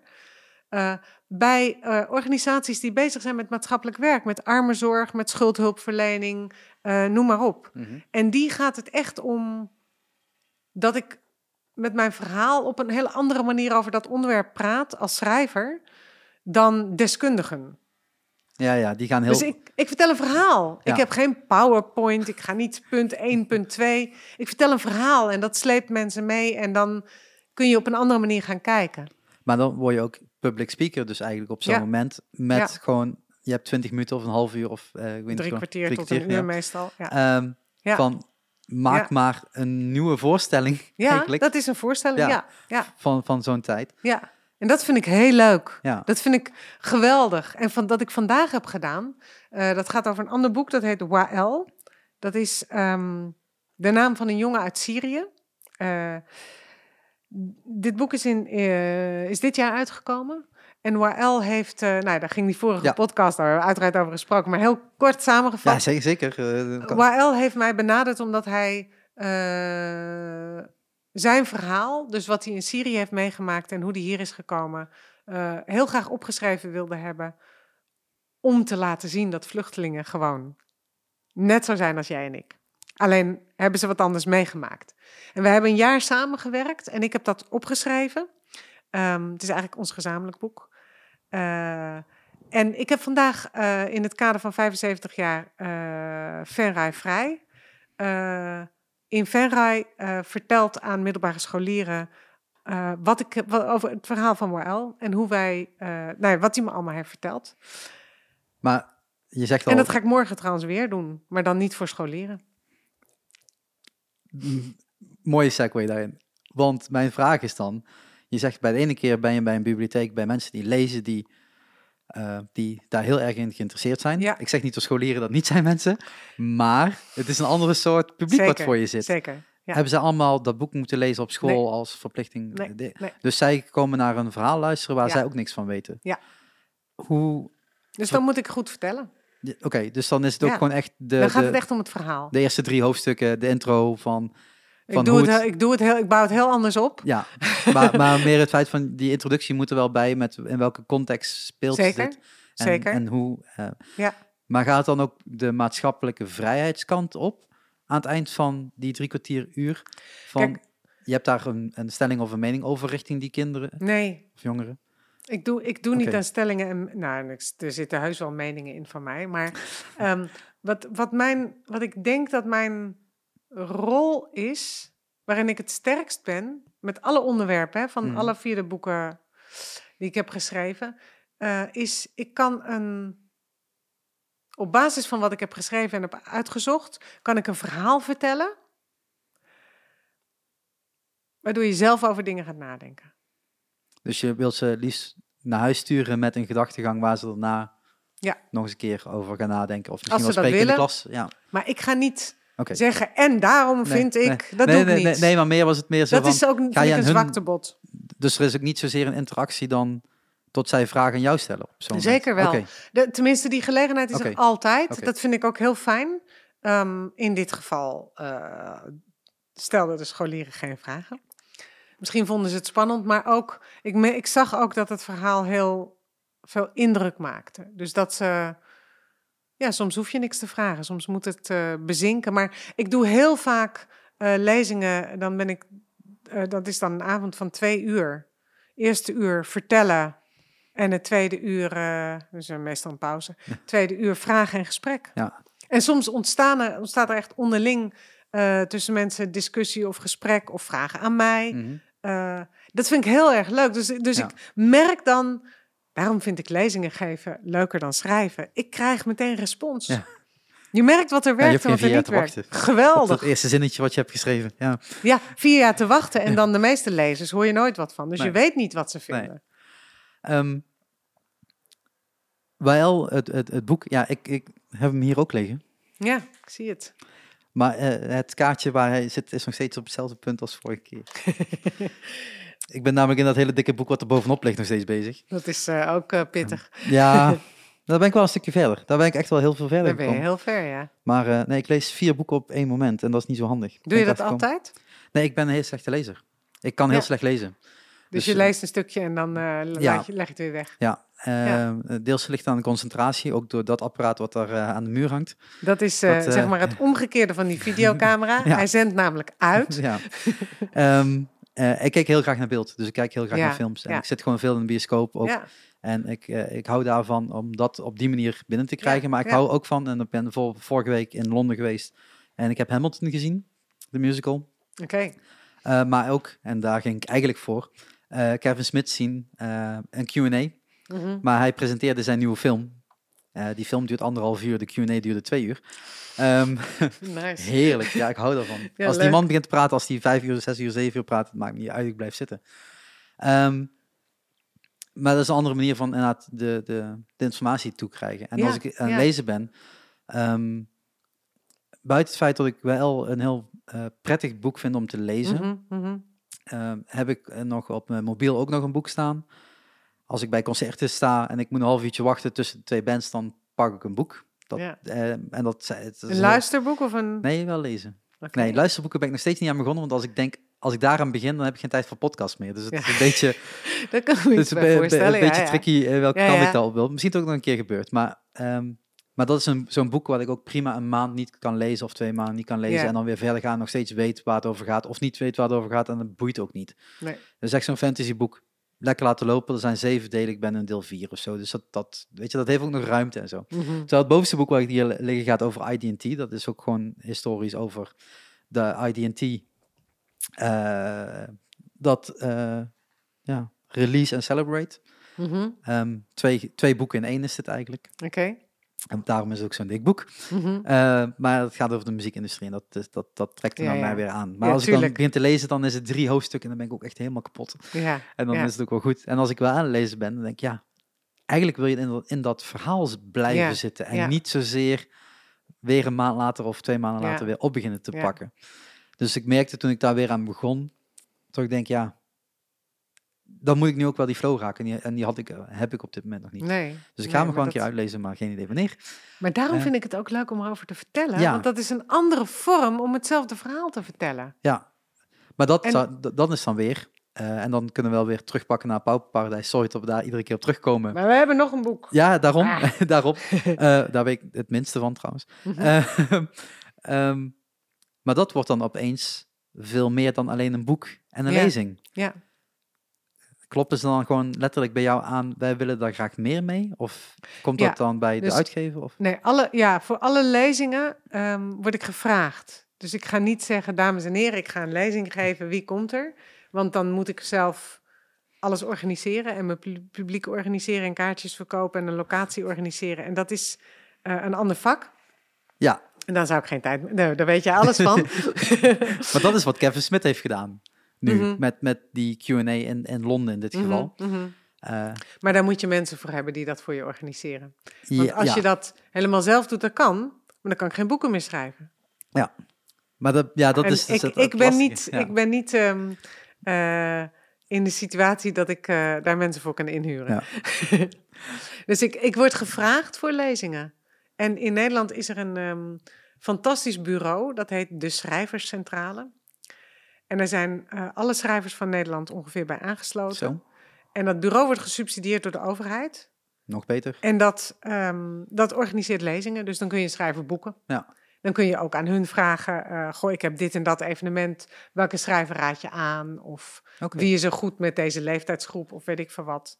Dus we hebben ook een website waar we allemaal eh, op mogen vertellen wat we allemaal kunnen, met filmpjes en alles. Dus dan, en dat is een fantastisch, dat is fantastisch dat dat er is voor, zowel voor de schrijvers is het fantastisch, als voor de bibliotheken en de scholen en de allerlei organisaties die de kennis van schrijvers en hun, hun vertelvermogen willen gebruiken. Mhm. Maar niet iedere schrijver... Wordt daar- gevraagd. Nee, en is ook niet in geïnteresseerd Nee, om te doen, kan ik me voorstellen. nee. Sommigen willen juist... Ben je ook eh, niet verplicht. Nee. Maar, maar dit geeft wel, inderdaad, wat je zegt, een extra dimensie aan het, aan het verhaal wat je al hebt geschreven. voor mij wel, ja. En eh, geeft Ja. ook een extra stimulans, denk ik, voor mensen die het boek nog niet kennen.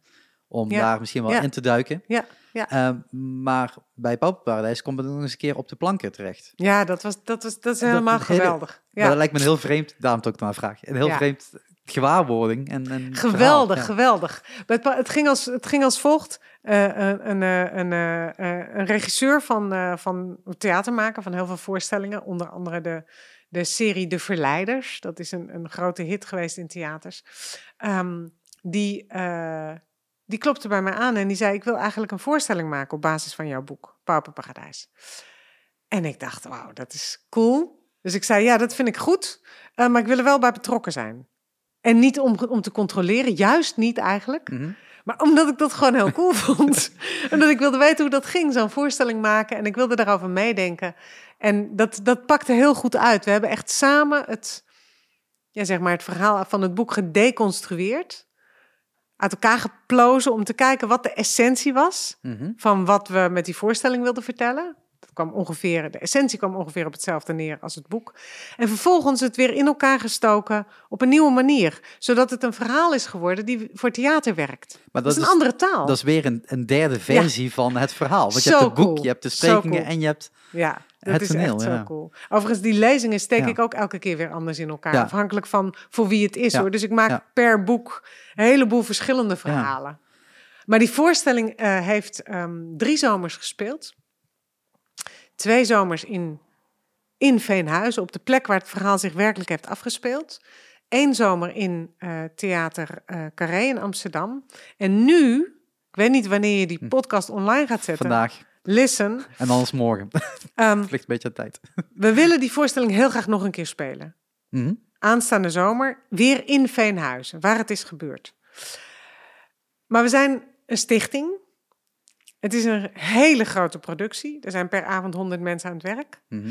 Ehm, en eh, in, Nederland zit het zo in elkaar dat je voor nieuwe theaterproducties eh, soms subsidie kan krijgen, maar voor een herneming niet, Mhm.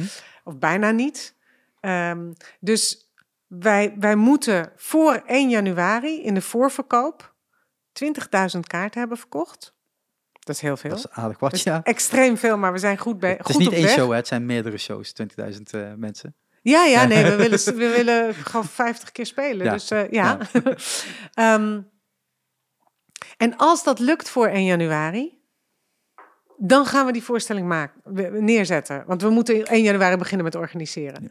Ja. Als dat niet lukt, dan gaat het niet door. Dan gaan we hem nooit meer spelen. Dus mocht iemand luisteren die zin heeft in die voorstelling, of die iemand anders weet die zin heeft in die voorstelling, ga dan niet zitten wachten, maar koop dat kaartje dan voor 1 januari. En je kan de datum altijd nog veranderen. En je kan het kopen op www.hetpauperparadijs.nl. Link in de show notes, Ja, zoals altijd. Ehm, ja, de, de, natuurlijk wil je dit terugzien. En zeker op deze locatie. Ik bedoel, Het is, het is, het is, ik, heb hem gezien in, in Carré, wat weer een hele andere background geeft natuurlijk. Ja, ja, ja, ja. Maar ik kan wel inderdaad iets inbeelden als je dat op een gegeven moment op een... Ik heb ze allemaal gezien. Ik heb er iets van, ik heb hem iets van 50 keer gezien in Veenhuizen. Ik was er elke avond bij. Eh, en ik kende de tekst uit mijn hoofd, hè? Ik was elke avond ontroerd. Ik was elke avond weer geraakt. Opnieuw. Ik wist precies wat er kwam, maar het, Ja. Dat verhaal, moet je voorstellen, je bent op een binnenplaats van een, van een vroeger gesticht. Het is nu een museum.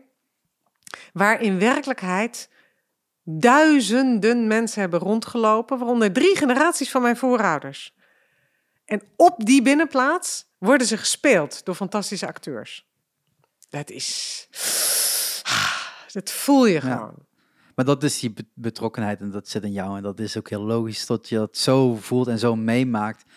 Als je dat niet hebt, dan is het ook was heel niet de vreemd. enige. Nee, Wat- nee, nee. Wat daar, ge- wat daar gebeurde, en dat vond ik heel, dat is ongelooflijk, maar elke avond na de voorstelling, dan lopen er duizend mensen een tribune af. Mhm. En normaal is dat babbel, de babbel, de babbel, de babbel. Stil, ja. Stil, stil, ja. stil. En niet, dat was geen uitzondering. Nee. Dat was, ik Nee, dat ging er, wij ook, ja. ik liep er vaak tussen. ging ik even zo anoniem ertussen lopen om te voelen hoe het was overgekomen.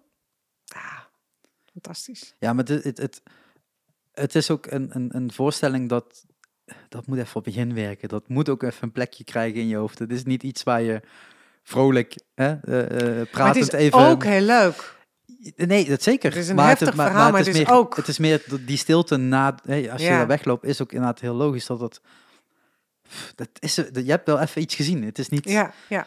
Maar ook met geweldige popmuziek erbij. ja, ja, ja. Ik bedoel, dat, dat, De- de- dat je niet nu denkt van, oh, dat is heel heel zwaar stuk. zwaar. Het is heel grappig. Er zit ons, het is heel grappig. Ja.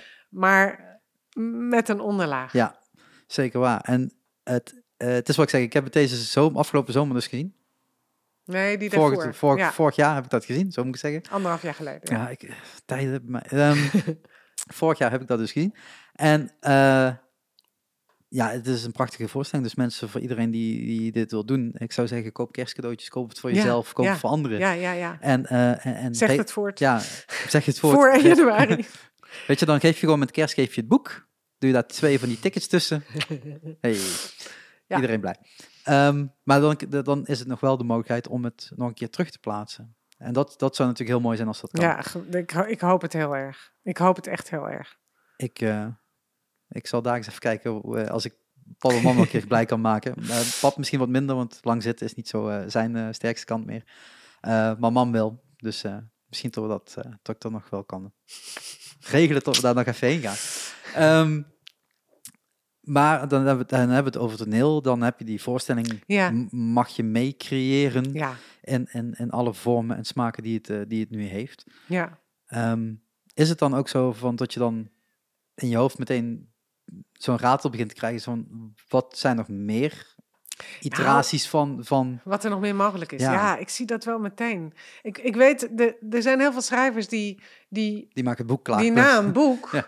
meteen aan een volgend boek Ja. denken. En, maar ik wil ontzettend graag van alle boeken eh, die ik heb geschreven, het, het, ik zie allerlei mogelijkheden om verhalen te herverpakken. Om dat, dat klinkt heel. Mhm. plat, want je creëert opnieuw iets natuurlijk. Het is niet verpakking. Ehm, maar ik zie allemaal losse elementen waar ik iets mee kan. En, en dus ik, ik, mijn vingers jeuken met al die mogelijkheden. En ik, ja, daar, zijn niet, daar is niet altijd een podium voor. Mhm. Of ik weet dat niet te vinden. Dus dat vind ik jammer. Ik hou daar heel erg veel van. Om, om meerdere vormen uit te proberen. Dat is ook waarom ik, ehm, waarom ik heel lang heb geaarzeld of ik mezelf schrijver zou noemen. Kon noemen. Mhm. Want ik, ik wil echt veel meer.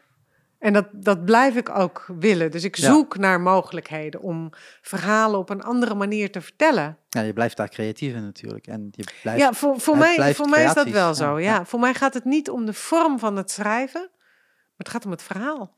Want hè, waar we het er nu over hebben, dat, dat, dat strekt zich uit over jaren. Hè? Mhm. Ja, ja, dus ja. het maakproces, het releasen en eh eh, überhaupt dat het op, eh, op het toneel heeft gestaan. Mhm. Maar ondertussen ben je weer met iets anders bezig geweest. Ja, Met andere boeken, met een andere mindset, met andere verhalen. ja. Ja. En toch blijft er dan ergens... Nou ja, als een verhaal er eenmaal is, dan, dan kan ik het redelijk snel in een andere vorm gieten. Dan, want dan hoef ik niet.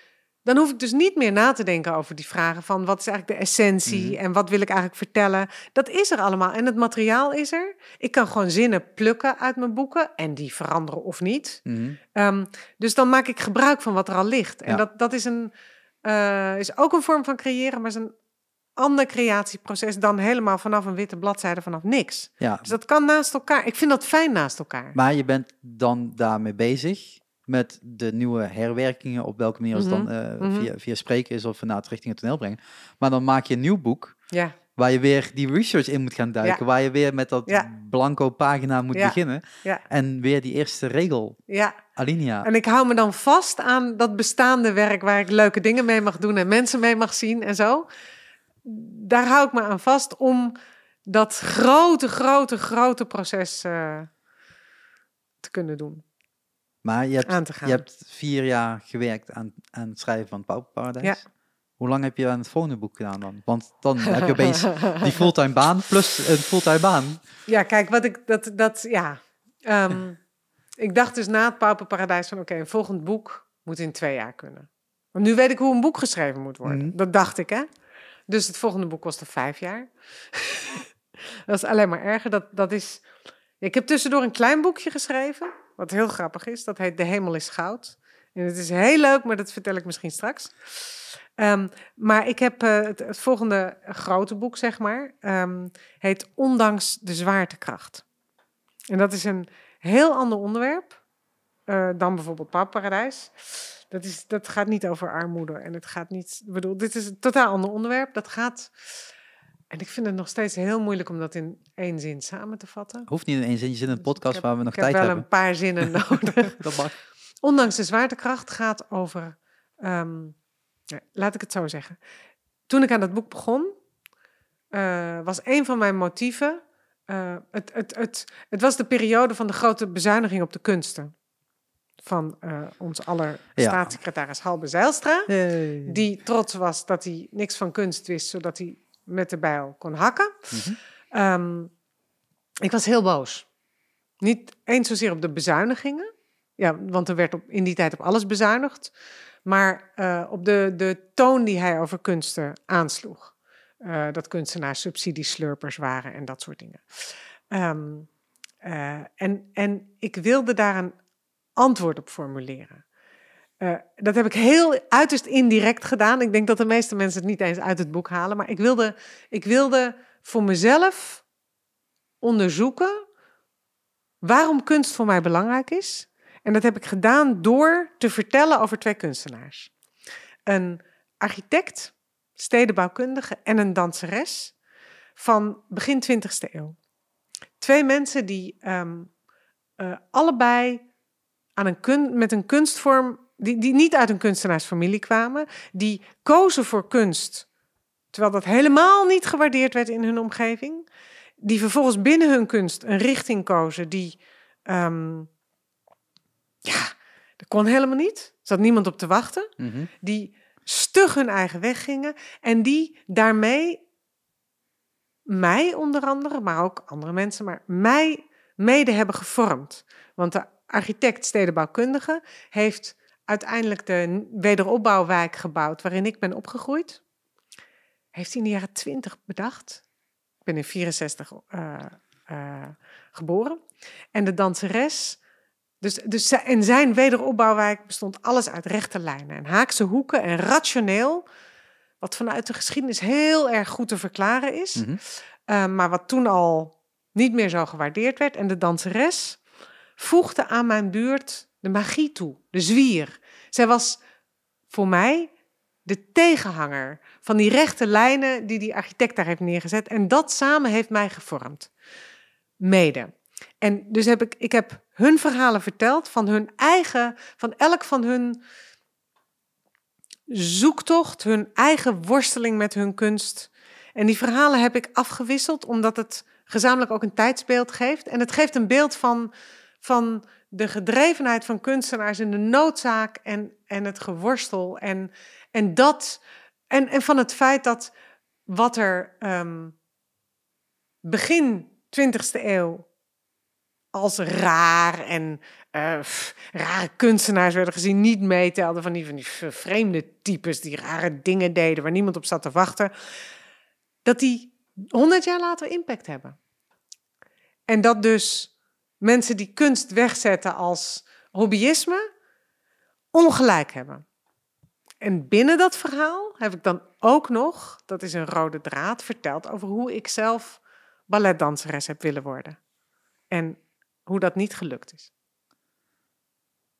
Dat, is, uh, dat niet zijn een heleboel zinnen. Dat is een heleboel, heleboel zinnen, inderdaad, ja. um, dus wat ik zeg, ik heb dat boek niet gelezen, ik heb, ik heb daar niks van uh, gezien. Dus dat, voor mij is dat moeilijk om daarover over te praten. Mm -hmm. Waar we wel over kunnen hebben, en wat je zegt, die woede die je dan krijgt, mm -hmm. van hoe er op dit moment wordt omgegaan, hè, al ja. jaren, ja. met, met kunst. En inderdaad terugpakken op die, op die begin 20e eeuw. Ja.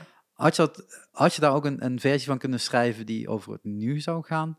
Met, met juist het feit van wat er nu gemaakt wordt, is zo belangrijk. Want over 100 jaar Natuurlijk, ja. zien we pas dat dat belangrijk was. Ja. Ik, ik, ik, of moest dat juist in die verleden tijd staan, omdat je zegt van ja, ik schrijf dat non-fictie en... Nee, dat is niet om, omdat ik non-fictie schrijf. Ik heb dit Nee. boek, van dit boek wilde ik trouwens fictie maken. Alleen eh, eh, die hoofdstuk heb ik weggegooid. omdat, het, eh, omdat het... Ik vond het, verhaal, het een te goed verhaal dat er al was. Dus ik dacht, als je er dan fictie van maakt... Behalve dat me dat niet zo goed Mhm. afging met dit verhaal, in elk geval. Maar ik dacht, als je dan fictie van maakt, dan kun je het terzijde schuiven als fictie. Oké, Ik, ik, ik, ik denk dat andere mensen dat wel kunnen. Maar ik, ik, voor mij is het. Ik maak tot nog toe in boeken. gebruik behalve WRL, dat gaat natuurlijk over nu. ehm, of de laatste paar jaar. Maar ik maak gebruik van het verleden om iets over het heden te zeggen. Voor mij is dat. Ik kan alleen maar het heden begrijpen door naar het verleden te kijken. En het verleden zegt ook Zowel in. Zwaartekracht als Pauperparadijs gebruik ik als spiegel voor nu. Ja. En ik merk ook dat dat soms een, omdat het een omweg lijkt, het indirect is. Mhm. het verleden, dat lezers of luisteraars bij lezingen dan zelf denken, hé, hey, dat lijkt wel op nu. En dan gebeurt er meer. Oké, ja, op Dat- die manier. dat is ja. de, tot nog toe de vorm die ik gebruik. Dus als ik over nu had gepraat, dan was het... Weet je, die reflectie niet gehad. Die- en dat geeft minder ja. diepgang, denk ik. Want als je gaat kijken naar, naar hoe eh, er met kunst eh, eigenlijk de afgelopen jaren is omgegaan, komt het erop neer van, ja, het is goed dat het er is, maar het zou vooral niet, Niet beta- eens. betaald moeten worden door de overheid. Hè? Van als jij die kunst Ja. wilt maken, prima, maar dat regel je zelf. Ja, Hè? iedereen mag zijn eigen ja, hobby. Ja, hè? Terwijl, het Ehm. een essentieel onderdeel is van de samenleving. Van wie we zijn, waar- Ja. waarom we er zijn. Ja. Bedoel, wat is nou de essentie van het bestaan? Ja, dat weet ik ook niet. Andere de- vraag, andere podcast. Goeie. maar de, de, het is in elk geval niet dat we spullen kunnen kopen. Nee, En dat niet. de economie draait. Is, no- is noodzakelijk Mhm. dat de economie draait, maar Maar het dat kan niet het doel Nee. zijn waarom we, die, waarom we er Nee. zijn, toch? Dus dat kan ook niet. Nou ja, goed. Nee, maar als je gaat kijken en dan... eh, eh, misschien leef ik wat meer richting de toekomst. En kijk ik wat minder naar het verleden. Sorry daarvoor. Maar dat is inderdaad hoe we in mijn, mijn hoofd een aantal dingen werken. Dan denk ik van ja, met de zekere manier tot we dadelijk gaan, gaan naar een basisinkomen, op welke vorm dan ook, Mhm, mhm, gaan mensen wel meer ruimte krijgen mhm. voor hun eigen manieren en hun eigen hobby's en En eigen... om na te denken over waarom, ik bedoel, waarom, Ja. waarom ze er zijn. Ja, Dan is het ook wel fijn als daar wat houvast aan zit. is. en, en om ook wel iets om Ja. te doen. Want dat vind ik bij cultuur ook gewoon. ja. Nu, eh, we hebben vanavond weer een show in, in, in het poppodium. En daar zijn gewoon niet heel veel mensen. En dan denk je, ja, Ja. maar het is een super leuke band. Kom op mensen, ga er gewoon heen. ja, leef. Maak wat mee. Ja, maar je kunt ook thuis op de bank Netflix kijken, zoals ik gisteravond heb gedaan. Dus dat is een beetje de andere kant van het verhaal. Hoeveel... Of hoeveel... op je, naar je telefoon staren de hele avond. Ja, dat kan ook. Ik combineer dat meestal. Eh, Je bent niet de enige. Nee, maar dat zijn natuurlijk wel dingen waarvan je denkt van oké, maar hoe, hoe zou je zo'n maatschappij dan kunnen veranderen als we één kijken naar het verleden. We weten tot dit niet de weg is. Mhm. Eh, we kijken naar het nu en we weten waar we nu staan is niet de juiste plek om te staan. Hè? Want het zou eigenlijk veel beter kunnen en moeten en Mhm. socialer en, en, en meer mensen kunnen daar gebruik van maken. Maar als je dan kijkt naar de toekomst waar we heen gaan, zou juist heel veel tijd moeten zijn voor, voor cultuur en kunst. Er komt heel veel tijd voor. Ja, dus hoe, wat, hoe is die, ik zie die weg toch niet. Tot ik denk, nee, ja, ik niet. tot ik denk, eh, de, de, de, de bibliotheek staat vol met boeken. Ja, Ehm, ik heb een, een, een kast waar in ieder geval wel een paar in staan. Ook een aantal dingen Ja. die ik nog niet gelezen heb, waarvan ik denk, ga ik ooit aan beginnen. ja, Ehm, maar heel veel mensen he- hebben dat al niet. Ja. Die haken echt al meteen af en denk je, van, ja, wat ga je dan doen dadelijk? ja. Want je werk gaat Ja. dadelijk niet meer bestaan, want heel veel wordt geautomatiseerd. Heel veel dingen gaan er ook echt uit omdat ze niet meer nodig zijn. Mhm. En je gaat echt daar ruimte creëren. En heel veel zijn er nu nog niet mee bezig. Terwijl ik denk, het ligt echt voor mijn gevoel dichterbij dan tot we denken. Het Ja. is niet meer iets wat over pe- 200 jaar, want eh, wat je zegt, Mhm, mhm, eh Pauperparadijs 200 jaar geleden met die armoede. We mhm. kennen nog steeds armoede, alleen op een hele andere manier. Dat is de vraag, of het een heel andere manier is. Nou ja, oké. Maar dat is een ander onderwerp. maar maar hè, het feit dat, dat eh, eh, de, de technologie die we nu wel hebben 200 jaar geleden, niet, zal ik het zo zeggen, In die zin een andere manier. ge- ja. ge- geeft, geeft ons in de toekomst veel meer mogelijkheden om voor ruimte te maken. En Ja. waarom snijden we dan nu allemaal kunsten af en zeggen we, dit moet je eigenlijk niet meer doen als je het zelf niet kan, kan, Ja. kan doen. Dat is heel vreemd Maar- eigenlijk. Ja, het heeft te maken met een levensvisie. En de levensvisie van de mensen die eh, bezuinigen op kunsten is duidelijk een andere dan die van jou en mij. Ja, dat is, ja. Maar dat lijkt me. Maar even nog, dit is misschien eh, flauw om te zeggen, maar nog even zeggen.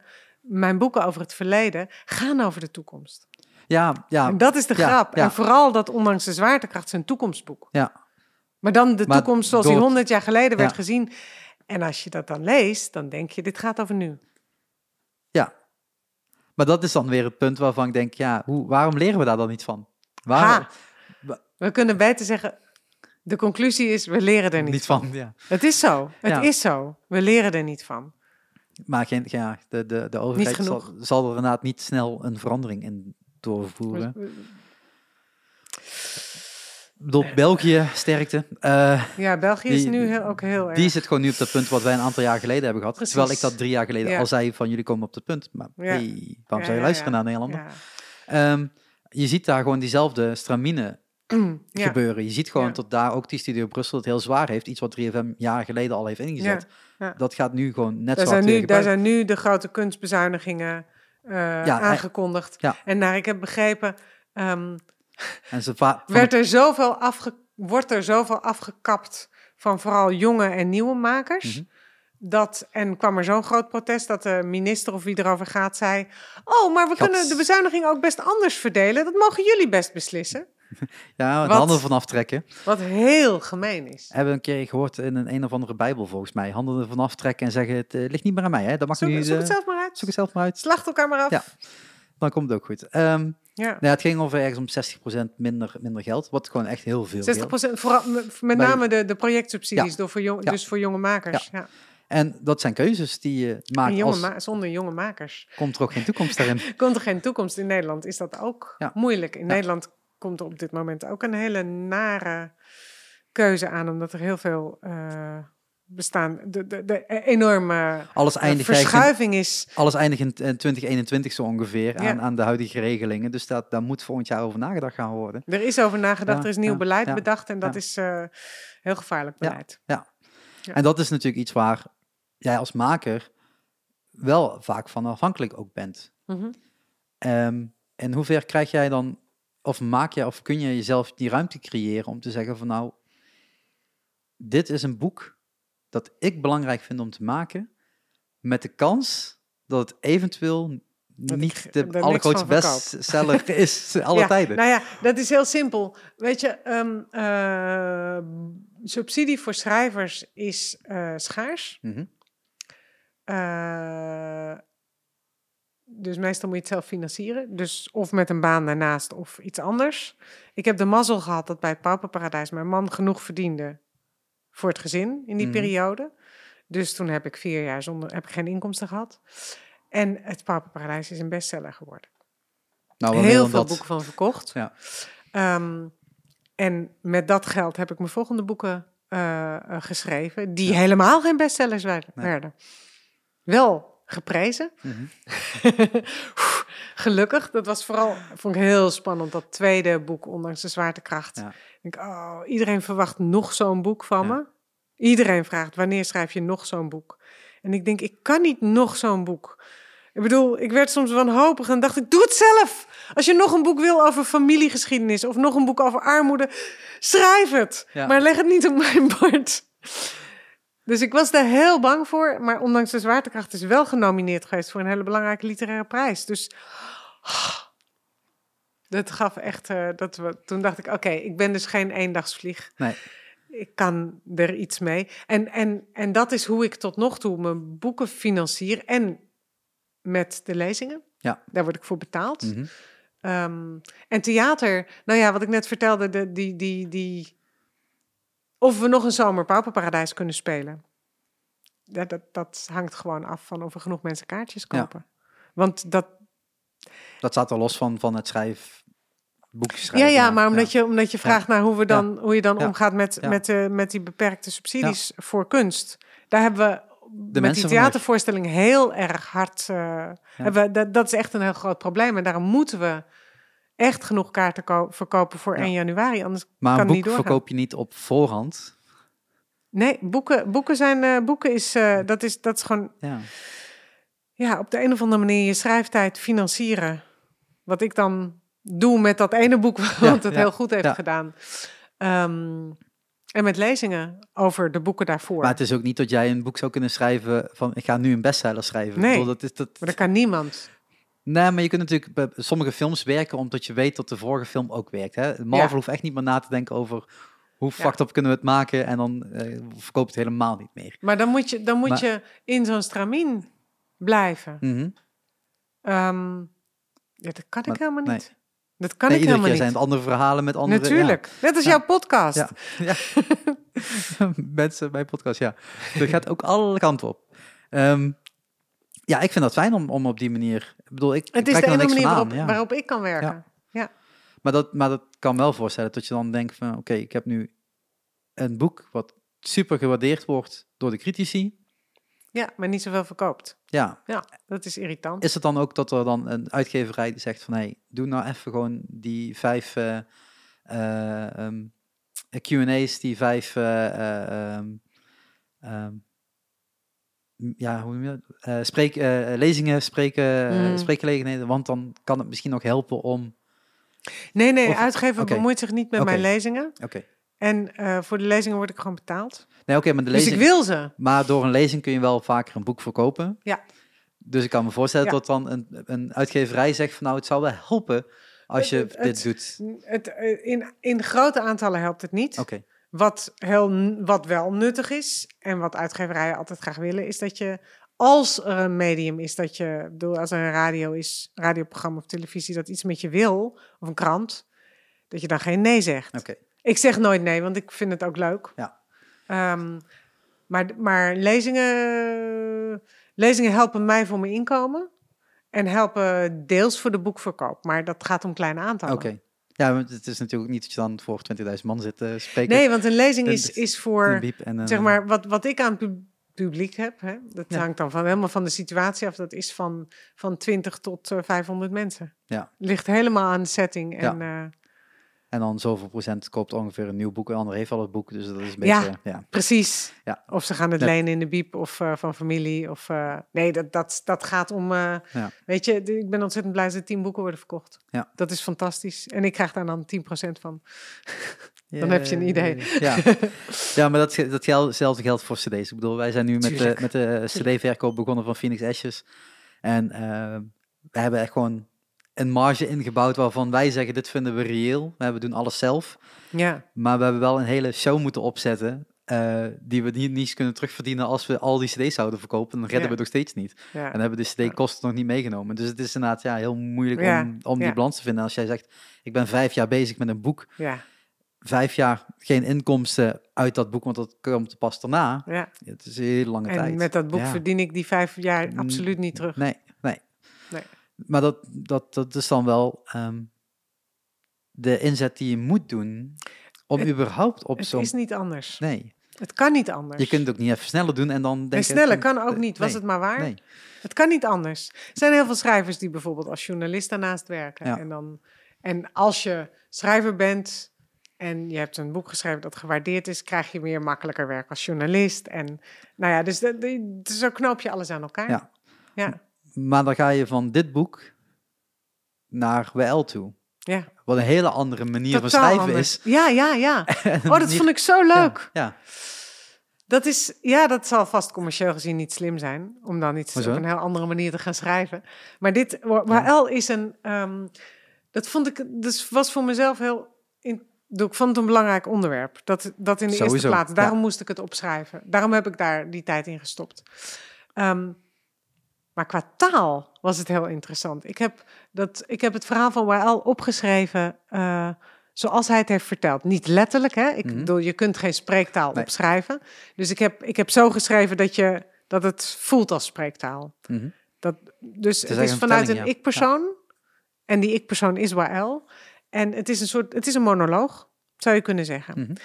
Nergens kom ik ertussen als schrijver, als verteller. Dus nergens doe ik een observatie. Nergens beschrijf ik WL of hoe, hoe we daar zitten of Mhm. hoe we met elkaar praten.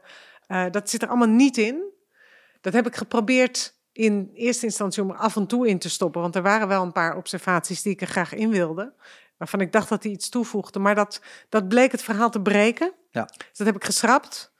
Ehm, Dus je hebt wel weer geschreven. ja, tuurlijk. Maar dat, ja. Ja. Je, je weet ook pas of het werkt als je het geprobeerd zeker, hebt. Ja. Zeker, ja. En, ehm, maar ik, ik moest alles leggen in hoe hij de dingen zegt.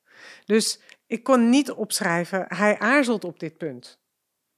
Nee, dan is het ik aarzelde en... Nee, hij kan niet zeggen, en nu aarzel ik. Nee, nee. Dat kan niet. Nee. Dus hij is aan het vertellen, ik stapte op dat schip en ik deed dit, ik deed dat, ik moest dat doen, eh, ik kreeg een zwemvest, ta, ta, ta. En dan kan hij niet ineens zeggen, ik aarzel. Ik kan ook niet zeggen, nu stopt Wael met praten. Dat kan niet. Dus ik heb dat moeten zoeken in de taal. Ah, zo, ja, zo aarzelen, ja, oké.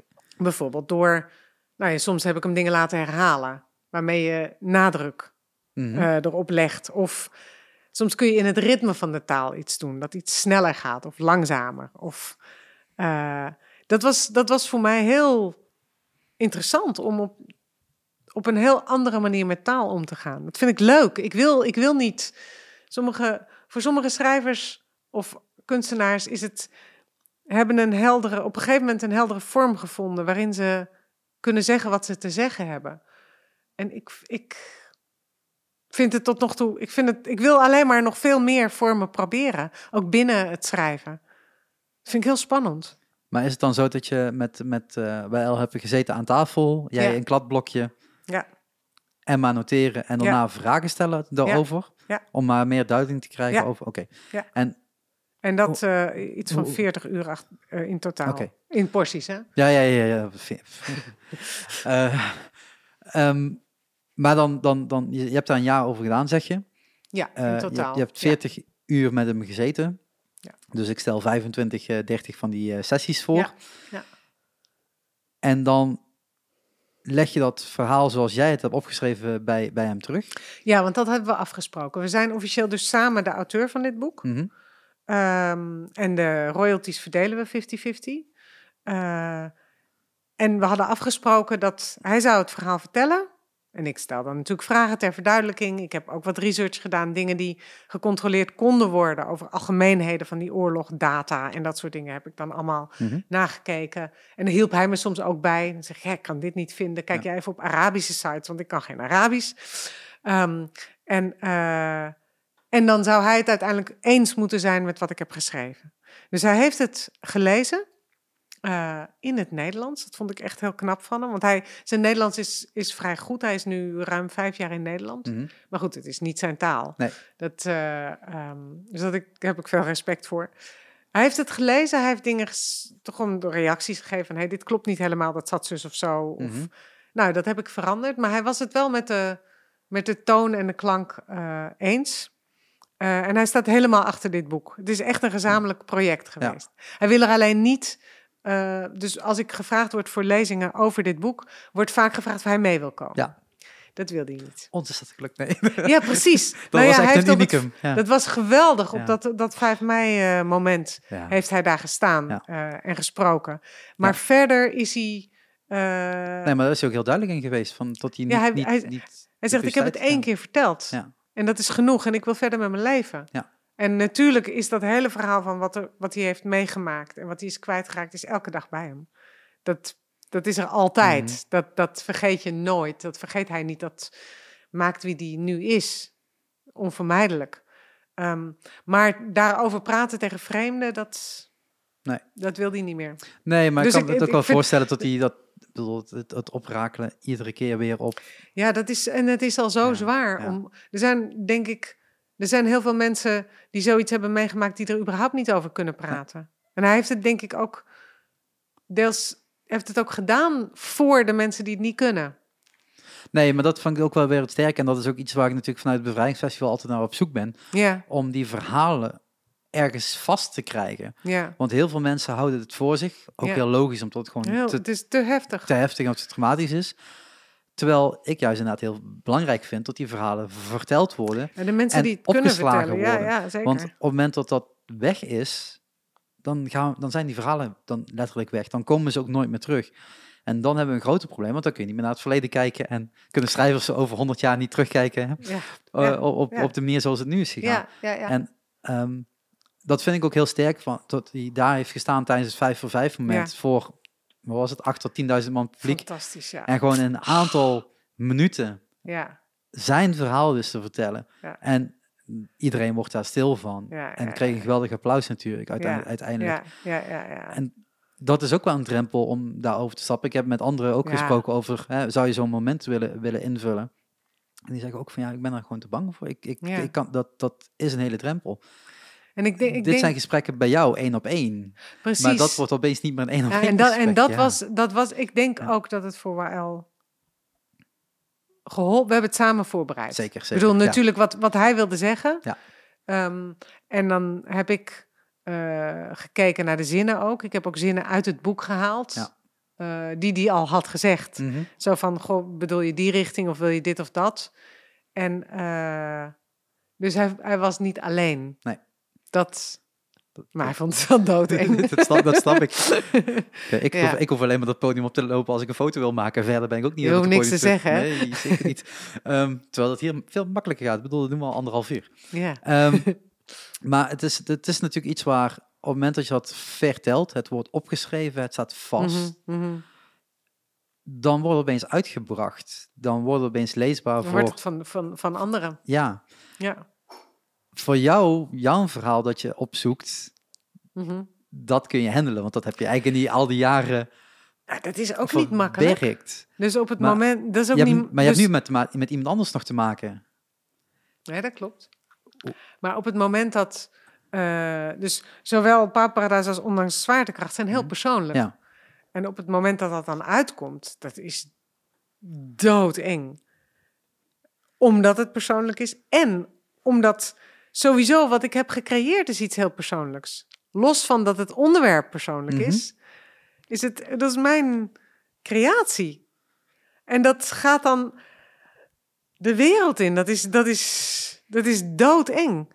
Maar daarna is het ook niet meer van mij, gek genoeg. Zo ervaar ik het echt. Daarna ben ik niet meer de maker van dat verhaal, maar ben ik de ambassadeur van dat verhaal. Want dat, dat verhaal bestaat zelf. Als een kind dat geboren is, dat is er zelf. Zo ervaar Maar, ik maar, dat. dan, maar dan moet je dat dus, of dan laat je het los. Ja. Hè? Moeten is dan een onderdeel Dan moet het is niet Ja. anders. Het is, dat, dat is, dat, dat gebeurt. Zo gebeurt het. Maar hoe, hoe ga je er dan zelf mee? Is, kom je dan zelf in een zwart gat terecht van... Nee, ik, nee, heb, ik, ja. heb, ik heb nu vijf jaar of vier jaar van mijn leven ergens in geïnvesteerd. En het is opeens weg. Hè, niet dat het weg is, want, je, want het blijft natuurlijk bij ja, je. Maar, Voor mij is het niet zo. Ik weet dat het voor andere mensen kan zijn. Eh, voor mij, als een boek af is, is het, is het grote geluk aangebracht. Oké, En, ik, eh, en het is zeker niet weg, het verhaal, maar het bestaat. Ik heb het geboren doen worden. mhm, Dus dat is vreugde. oké.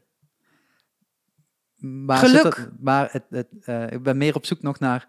Waar zit, waar zit voor jou het, het, het, het, dus het zwaartepunt? Waar zit de... Ah, of het dat- gaat om het schrijven of Ja, daarna. Ja, Huh. want voor sommige makers is het echt gewoon... Ik val een diep gat, want ik ben klaar. Het is, het is, het Ah, is ja. er. Oh nee, nee, ja, nee. Of is het bij jou gewoon meer van... Het is er, yes, nu kan ik daarmee op tour, Ja. letterlijk. Nou, nu, nu Ja. bestaat het. Ja. Nu heb ik iets gemaakt wat er... Ik heb iets gemaakt. Er is iets dat er Dat eerder er niet was. en het komt uit mij voort. Ah, Dat vind ik geweldig, maar het hele maakproces vind ik verschrikkelijk moeilijk. Daar Ja. word ik niet per se gelukkig van. We, we zaten tijdens Ik heb die- pas daarna geluk, zeg maar. We zaten natuurlijk bij, jou- bij jou op kantoor eh, vorige Mhm, keer. Je, hebt echt een, een schrijversruimte. Ja, ja. Waar je je anti-kraak. waar je je helemaal af kan zonderen van de rest. Ja. Dus dat is ook echt een hele erge focus. Nodig. Wat je, wat je daar hè, Ja. kun- kunt creëren. Maar dat is er dan natuurlijk dan niet, als het klaar is. Ja, maar dan hoeft het niet. Dan hoeft het niet. Want dan hoef ik niet meer iets te maken vanuit het niks. Nee. Dus als Ja. ik iets moet maken vanuit het niks, dan moet ik in een ruimte zijn waar niemand anders is op dat moment. Eh, en waar de deur dicht kan. Mhm. Eh, maar als ik dat niet hoef, dan kan ik gewoon eh, een heel sociaal mens zijn. Ehm, is het dan zo, want bij, bij, bij sommige filmmakers is de eerste, de eerste vraag als je klaar bent met het boek, wanneer komt het volgende boek? Ja, verschrikkelijk. Is dat bij, bij jou hetzelfde geldend? Of zijn er gewoon tijdens die jaren, want we spreken echt over jaren, het is niet Ja, gewoon in, in, ja. in een paar jaar heb je, heb je je boek klaar, Ehm, tot je ook gewoon denkt, ik ben nu met dit boek bezig, maar nu komt deze gedachtegang op, die schrijf ik even op, daar, daar Ik kijk schrijf, ik ik, straks een keer naar. ik schrijf heel veel op. Ik schrijf eindeloos veel op en ik bewaar knipsels en dan heb ik soms zo'n stapel. En dan weet ik echt niet meer wat het allemaal is en dan kan ik hem net zo goed weggooien. Eh, en ik heb heel veel mapjes in mijn computer met nieuwe ideeën. En de ene keer heet dat mapje dan eh, nieuwe ideeën. En er zitten dan documenten in waarvan ik een paar jaar later echt niet meer weet wat waar het over gaat en waarom ik dat interessant vond. Maar het is bij mij tot nog toe niet zo dat als een boek klaar is, dat ik meteen een volgend onderwerp klaar heb. Oké. Want dat, dat, ik ben zo in beslag genomen. En, en ik wil dat ook niet, want ik vind het zo, eh, dat creatieproces heel zwaar. Dus daarna moet ik, eh, mag ik alsjeblieft even op adem komen? En, en eh, hoe lang geef je er zelf dan voor? Nou, tot Of is een- dat gewoon, Nee, tot er een nieuw onderwerp komt. Dat is niet, Oké. daar is geen, heb ik tot nog toe geen regel voor. Nee. oké. Dat werkt ook niet. Eigenlijk. Nee, maar er, is dus niemand extern die jou een bepaalde druk oplegt van, Nee. er moet een volgende Nee. boek komen. nee. Dat is wel heel fijn. Nee, dan denk ik, doe het zelf. Echt. dat kan niet. Dat kun je niet vragen van iemand. Dat kan niet. Nou ja, er zijn eh, platenmaatschappijen die gewoon een contract tekenen voor vijf, eh, voor vijf albums die binnen een x aantal jaar klaar moeten zijn. Succes. Dat is heel erg. Ja. Dat lijkt me verschrikkelijk. Weet niet hoe dat met muziek gaat. Ik, ik, Nee, maar bij boeken is dat dus... Je, je, je, er bestaan wel eh, eh, boekcontracten voor meerdere boeken. Als je bijvoorbeeld naar een nieuwe uitgever gaat, Ja. dan, dan kan dat. Ik ben nog nooit van uitgever veranderd, dus dat ken ik niet. Maar dan kunnen ze niet, dan kunnen ze niet zeggen... eh, het moet af, want het staat in het contract. Oké. Dus bij een boekcontract schrijf je altijd een datum waarop het uit moet komen... en dat kan altijd verschoven. Ja, want ja, als het, is- niet goed is, is het er gewoon niet. Nee, nee, en het is natuurlijk gewoon, je tekent voor drie boeken en wanneer die drie boeken er zijn, dat maakt niet uit. Maar de drie die je nu gaat schrijven, die zijn voor ons dus aangestekend. Ja, ja, Ja. tenzij je met een specifieke serie bezig bent of zo. Dan weet ik niet precies hoe dat gaat. Ja, eh, George R. R. Martin met, eh, met zijn eh, Fire en Blood and Fire, was het? Ehm, de hele Game of Thrones dingen, dan kan ik me wel voorstellen dat je als, als uitgeverij zegt, ja, maar die boeken gaan allemaal bij mij. Dat, dat moet niet ergens anders terechtkomen, want dan, Ja, ja, ja. Ja. ja. dat is natuurlijk ook gewoon een, kou, een cash cow natuurlijk op zo'n moment. ja, en ik Dus weet niet hoe dat natuurlijk- in de, in de muziek met, met platen is. Maar je krijgt dus door je uitgever niet betaald, hè? Eh, nou, Als je je- eraan werkt. Nee, er zijn boek. sommige, sommige grote platenmaatschappijen die nog steeds voorschotten geven. Ja, Want hè, de verwachte royalties op je volgende plaat, Ja, dat kun je uitkeren. dat kan bij uitgeverijen ook, ja. Ehm, maar echt, ja, financieren, ja, studiotijd of dergelijke. Maar dat eh, wordt weer afgetrokken van je royalties aan, aan het eind van de Precies, rit. Dus precies. je betaalt het allemaal zelf. ja, precies. Het is alleen de deal hoe je Dan dat is erin het vult. hetzelfde. Ja. Nee, op zich kun je bij uitgeverijen ook voorschotten krijgen, afhankelijk van wat ze je- verwachten aan verkoop. Ik, ik- tot nog toe hoef ik het niet en ik vind dat ook heel eng. Want dan, Dan krijg je opeens die druk. dan krijg je die molensteen Ja. om je nek. Ja. Ja, en, dan, en dat bij, mij, bij mij werkt dat absoluut averechts. Ja, dat kan ik me voorstellen. Maar dat is natuurlijk ook inderdaad van, som, soms moet je dat aannemen. Ja, soms heb je als, geen als keuze. schrijver, tuurlijk, omdat je dat tegen inkomstenbronnen hebt. tuurlijk, je- tuurlijk. Je, Ehm, moet, je moet gewoon boodschappen kunnen doen. ja. Ja. Ja, het is, eh, het is wel lastig. Er zijn ook een aantal, eh, maar dan gaat het wel over muziek, documentaires van, van bands die, die een voorschot hebben eh, gekregen en dan, ah, we hebben geen geld verdiend aan de cd. Eh, jawel, maar dan moet je anders berekenen. Dat je denkt, ja, maar als jij eerst je miljoen er doorheen hebt gejaagd eh, aan, aan royalties, ja, dat was je geld, hè jongens. Als het een miljoen is. Ja, ja. ja voor sommige bands die, die gaan wel makkelijk rond die, eh, rond die prijzen weg, hoor. dat is geen enkel probleem. Maar dan heb je wel over Wereld X. eh, Ja, ja, ja, ja, ja. bruggetje daarvan. Welke boeken van, van jou zijn vertaald? Alleen Pauperparadijs. En dat is vertaald in het Spaans en het Duits. En, En- het is daarvoor geen meter verkocht. dus het is een heel Nederlands verhaal. Want dat is ook waar het, Het wordt gezien als een Ja, heel Nederlands ja. verhaal. Ik ben het daar niet Nee. mee eens. Nee, nee, het is natuurlijk een ding. Ik ben het daar helemaal niet mee eens, want ik op- denk dat het, het, het verhaal speelt zich af in Nederland. Maar het is een heel Europees verhaal. Het zegt iets over hoe wij eh, de afgelopen 200 jaar hebben aangekeken tegen armoede. En nog steeds doen, by the way. En is dat, ehm, wordt dat dan door iemand anders herschreven, hè, Hm. vertaald? Ja, En ja that's it? Of wordt daar bij jou nog iets op teruggelegd?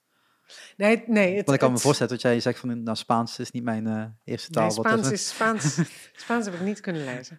Nee, eh, eh, dat gaat... Vertalingen van boeken, dat heb je zelf heb je niks over te zeggen. Dus je kunt niet zeggen, ik wil hem graag in het Engels. Ja, wil ik. Tuurlijk. Maar dat gebeurt alleen als er een Engelstalige uitgever een markt voorziet. Oké, Dus ehm, in, in het geval van Pauwparadijs was er eh, een Spaanstale, Spaanse uitgever en een Duitse uitgever die dachten, daar kan ik wel genoeg van verkopen hier. Ehm, volgens mij hebben ze dat niet gehaald, maar goed.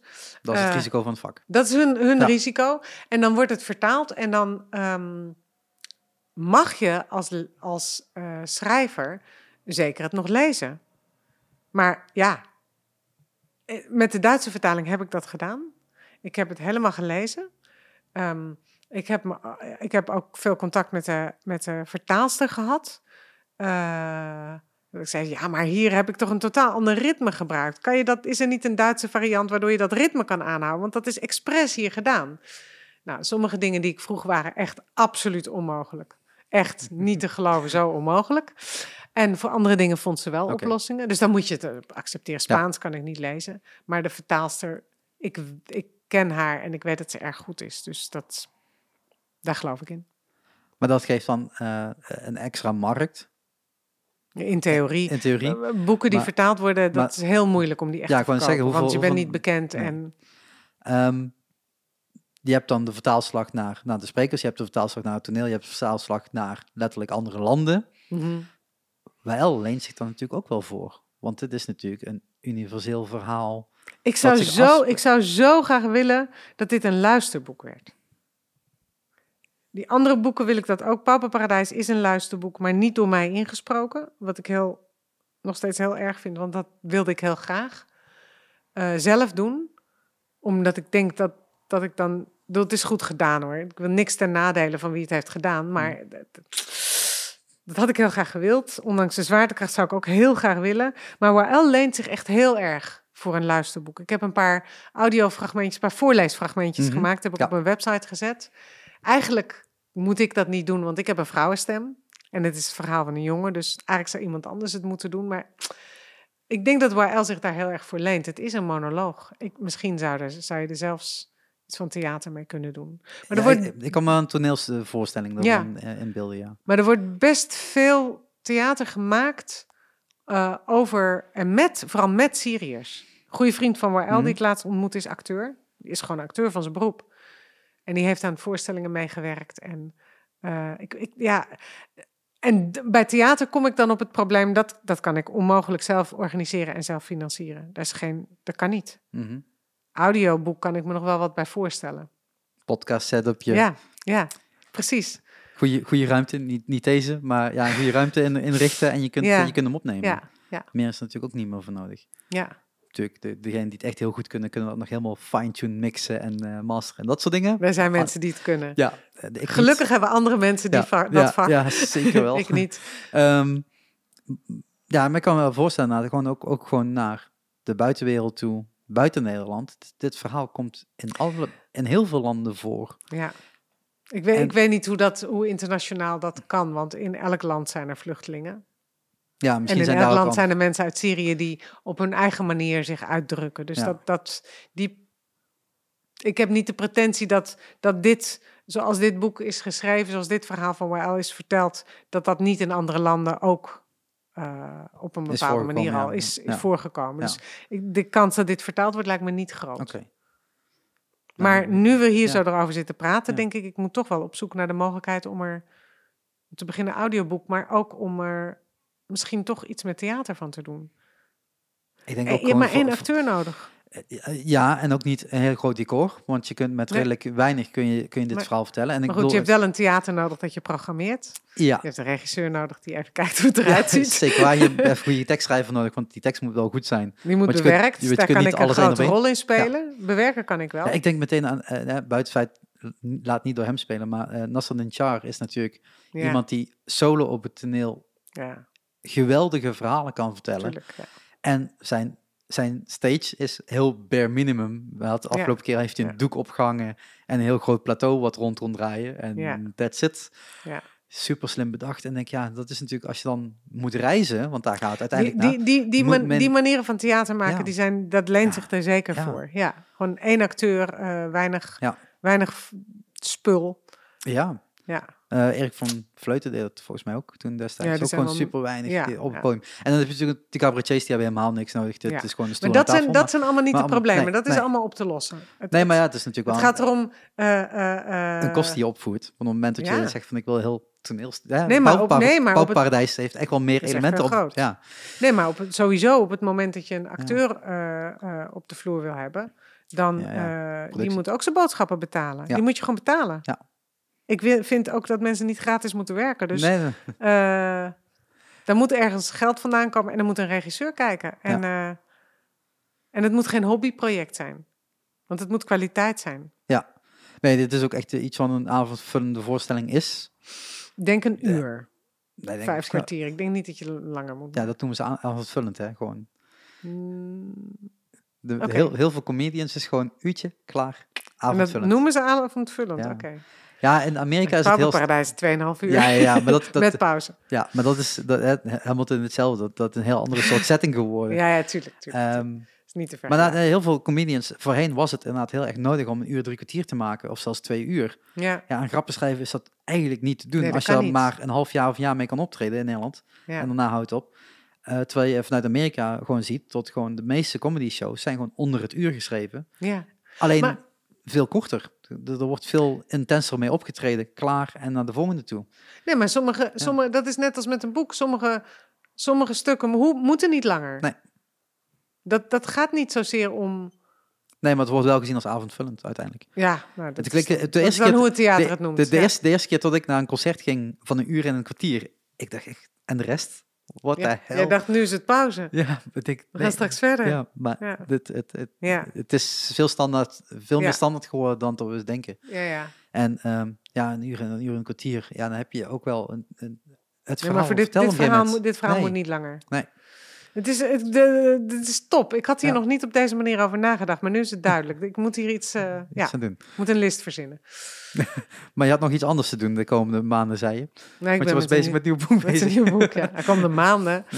Nou, ik, ik ben er dus in. Maanden, hè, wat je zei eerst, tot van het vier jaar, eh, vier jaar, de twee jaar, dus ik neem aan, dit een jaar, dus ik neem aan een half jaar. Maar die, die, die vier, die vier jaar, die, die twee jaar werden er vijf. Ja, dat- maar dat stond niet in de planning. Nee, ik, ik, nou ja, ik ben in september begonnen. En eigenlijk, gezien nou, wat ik ermee doe, moet het in 2022 uitkomen. Dus dat betekent dat je eh, Dus dat mid- kan midden, midden eh, 2021 moet je klaar zijn. Ja, Anderhalf jaar nog. ja dat kan niet. Dan heb je er twee jaar over gedaan. Ja, maar dat... kan- dat nou, anyway, we zullen Ja. zien. ik weet het niet. Wie weet. Wie we weet. zullen zien, we zullen zien. Hey, in 2020 kan alles, is ons verteld geworden. Oh ja? Ja, dat is dat blijkbaar, heel, blijkbaar heel belangrijk. Ja, van alle dingen ja? gaan er staan en te gebeuren. Dus ja, Oh, wat fijn. Ja. Wat een goed idee. ja, vind ik ook. Daar gaan we dan van profiteren. Ja. het, is, het is bijna 2020, mensen. Ja. ehm, laten we dit even afronden. Ja. Eh, nog niet de podcast, want ik heb wel nog een paar vragen. Mhm. Eh, wie ins- inspireert jou voor het schrijven? Of heeft jou geïnspireerd toen je begonnen met, schrijven? Zijn er boeken of schrijvers geweest waarvan jij denkt, dat zijn voorbeelden geweest? Want eh, eh, je was eh, al wat jaren bezig met schrijven, Mhm. vanuit, Journalistiek. ja. vanuit de journalistiek. Je hebt dus ook al veel dingen gelezen en toen begon je met schrijven. Dus ergens in jouw verleden heb je natuurlijk ook ergens dingen gedaan. Als ik dan toch moet schrijven, dan op die manier. Ik vind dat heel moeilijk om Oh, te zeggen. Dat sorry. weet ik niet. Ik, ik weet het eigenlijk niet. Ik heb, het is heel grappig, ik heb een boek gelezen toen ik 16 was of zo. Van Simone de Beauvoir. Ehm, Franse filosoof. En in mijn herinnering, best- ik weet het eigenlijk niet, ik heb het dus nooit meer teruggelezen, bestond dat boek uit losse verhalen, een stuk of vijf, drie, ik weet niet, waarin in elk verhaal de hoofdpersoon uit het vorige verhaal als bijfiguur langskwam. En toen ik dat las, toen ik 16 was, toen had ik al best veel gelezen, want ik was zo'n, lezer. Er was nog geen smartphone, hè? Er was nog geen Toen kon je nog lezen. Er waren geen video's zelfs. Alleen televisie soms. Ja. Ehm, toen ik dat verhaal las, viel ik van mijn stoel van de mogelijkheid van die structuur. Omdat het je een verhaal gaf met een, met een soort extra perspectief erachter. Het waren losse verhalen, maar daardoor werd het toch een soort, een soort ketting met losse kralen die samen een ketting vormen. Mhm. Dat beeld heb ik heel vaak voor ogen. Ik zou heel graag een boek willen schrijven dat bestaat uit losse kralen die samen een ketting worden. En tot nog toe is dat niet gelukt, maar elke keer is dat mijn insteek. Dat is inderdaad nog niet gelukt, nee. Het is, Eh, het is nog voor het boek waar ik nu mee bezig ben, is dat beslist mijn insteek. Dus dat verandert. Eh, Nou, het lukt me niet Nee, op die manier nee. per se. ehm, als schrijver zijnde, sorry dat ik je in dat hokje prop. Ga je Maar gang. Ik, ik zijn- heb hem geaccepteerd nu, het hokje. Omdat ik heb begrepen dat Ja. ik dan daarnaast Nee, ook andere schrijven, hokjes... exact. Maar je kunt inderdaad op veel, veel manieren schrijven of vertellen of eh, eh, Mhm. overbrengen. Is er iets in jou wat dan ook zegt van nou, met de huidige media eh, vormen, hè, boeken, luisterboeken en dergelijke, zou je ook ergens een andere manier willen vertellen en helemaal niet richting het schrijvend op een boek zijnde? Dat je zegt van ik zou heel graag een keer een verhaal willen maken voor tv of voor een podcast of voor... Ja, dat ik, dat ik het schrijven eh, oversla. Nou, nee, Nou je ja, het- het schrijft boek voor. schrijven, ja, overslaan. Het, ja, het- Het lijkt me geweldig als ik dat kon overslaan. Serieus. Nee, ja, ik, ik zou graag... ehm, ja, ik ben al een tijdje bezig... ergens op de achtergrond om een monoloog voor theater te schrijven. Maar dat schuif ik elke keer weer opzij voor een volgend project. Dus dat, Er staat een groot bord in mijn werkkamer met, oh, het is, als, het is zo'n mooi verhaal wat ik wil maken, die monoloog. Maar dat is dan een monoloog voor theater worden, als ik die ooit schrijf. Ehm, ja, het zou, ik zou het ontzettend leuk vinden om, om dingen met audio te doen, podcastachtige Ja. dingen. Eh, maar ik kan dat niet alleen. Dus dan zoek ik, ik, ik wil, ik zoek, ik wil, wil heel graag met andere mensen samenwerken. Dat lijkt me ook fijn. Radio lijkt me ook geweldig. Theater, ja, Ja, dat al helemaal. ja met, met, met theater is natuurlijk eh, eh, een, wat je tot nu toe hebt gedaan, zijn herbewerkingen. Mhm, mhm. Dus een, een nieuw script daarvoor schrijven is inderdaad nog, nog een ander ding. Nou, misschien niet zozeer, niet eens het schrijven per se, maar het maken. Ja. Maar voor podcast, buiten het feit dat ik radio even buiten beschouwing laat, want ik denk Mhm. dat dat in podcastvorm vaker beter eruit kan komen, ehm, zou je natuurlijk gewoon letterlijk een heel verhaal kunnen maken Ja, voor alleen de audio. Ja. En dus inderdaad op een andere manier omgaan met wat gaan mensen horen in plaats van wat zouden ze kunnen lezen of interpreteren. ja maar ik zou Ja. dan, ik zou, dat zou dan wel in een vorm van eh, dialoog moeten zijn. Met minstens één ander iemand. Of met muziek erbij. Of Mhm. ik, zou da, ik zou daar een, een. Ik zou daar niet alleen maar ik vertel een verhaal van Ja. willen maken. Nee, maar Nee. dat is natuurlijk iets wat in de podcastwereld nu eh, de afgelopen jaren heel erg is opgekomen. Mhm. Met onder Ja, andere Serial ja. en a- andere, Ja, eh, zeker, zeker ook Nederlandse... eh, zou ik geweldig vinden, maar, dat- maar niet in mijn eentje. Oké, Maar, maar iemand die iets snapt van geluid, zeg maar. Ja. En van podcast. ja, dat, ja, dat, dat zijn inmiddels al behoorlijk wat grotere instituten voor, voor klaargestoomd, zeg maar. Maar ook zo'n zo'n zo'n VPRO die, die dat Mhm. prima, die vertaalslag eigenlijk kon maken eh, naar, naar de audiovorm. Want dat hebben ze natuurlijk jarenlang op radio ook gedaan. Ja, Alleen nu Ja. krijg je opeens episodes forms en iets wat je in één Ja. keer kan lanceren en niet meer ja, door de weken heen hoeft weg te zetten. ja, vind ik heel spannend, die vorm. Ja, ik denk dat daar heel veel kansen liggen. Eh, en het alleen, het, daar zit nog geen inkomstenmodel. En dat is een beetje hetgene waar iedereen tegenaan Ja, schuurt. Zo van, oké, als we dit willen, hoe gaan we dan daar nog aan, aan, aan geld verdienen? Begon pronkelijk, want ik wil het zo meteen nog gaan luisteren. De Joe Rogan podcast. Ja, de eerste zeven minuten zijn advertenties. ah, ja. Dus de eerste zeven minuten heb ik heel braaf doorgeskipt, want die hoef ik niet te horen. Ik hoef geen Amerikaanse promo Nee. te horen. Ehm, maar dat is voor hem wel een van de inkomstenbronnen Ja. natuurlijk. Ja. En eh, in Nederland is dat bij sommigen al geprobeerd. Er zijn al wat sommige structuren eh, voor opgebouwd. Maar dat zou natuurlijk ook een verdienmodel kunnen zijn in plaats van de Ja. boekverkoop, dat dat op die manier eh, ingevuld wordt. Maar dat is natuurlijk wel weer een heel andere manier van Ja. schrijven. Absoluut. Ik zou er graag mee experimenteren. ja. Ja. Ehm, en, en voor tv? Zo'n, nu bijvoorbeeld, Ik- nu heb ik de, ik- de, de, de 12 van. Nou ben ik de naam kwijt. Eh, Ja, ik zag het. eh, ik zag van. Videoland. Ja, nou, die, ik ben, dat is ook een heel verhaal van 10 afleveringen. 480, eh, 400, eh, 450 minuten. Wat echt een verhaal verhaal is. Wat ook Ja. in een boek had kunnen staan. Als dat niet in een boek al is. Sorry mensen, die research heb ik niet gedaan. Maar ehm, ik ben niet goed in beeld. oké. Ik kijk niet veel televisie of films en ik, ik, ik snap het geloof ik niet helemaal. De, de, de- hoe, je, hoe je daar met die vorm om moet Ja. gaan. Dus ik ben... Meer Van theater snap ik wat, maar van, van, van, van door zo'n zo'n zo'n kastje kijken... eh, dat je binnen een frame moet kijken. Weet je, ik kan niet eens foto's maken. Dus als ik met mijn smartphone ergens een foto van maak... dan staat er nooit op wat ik bedoel dat erop staat. Dus, dus ik, ik, kan ja. niet, ik kan niet denken in zo'n beeld, zo'n geframed beeld. Oké.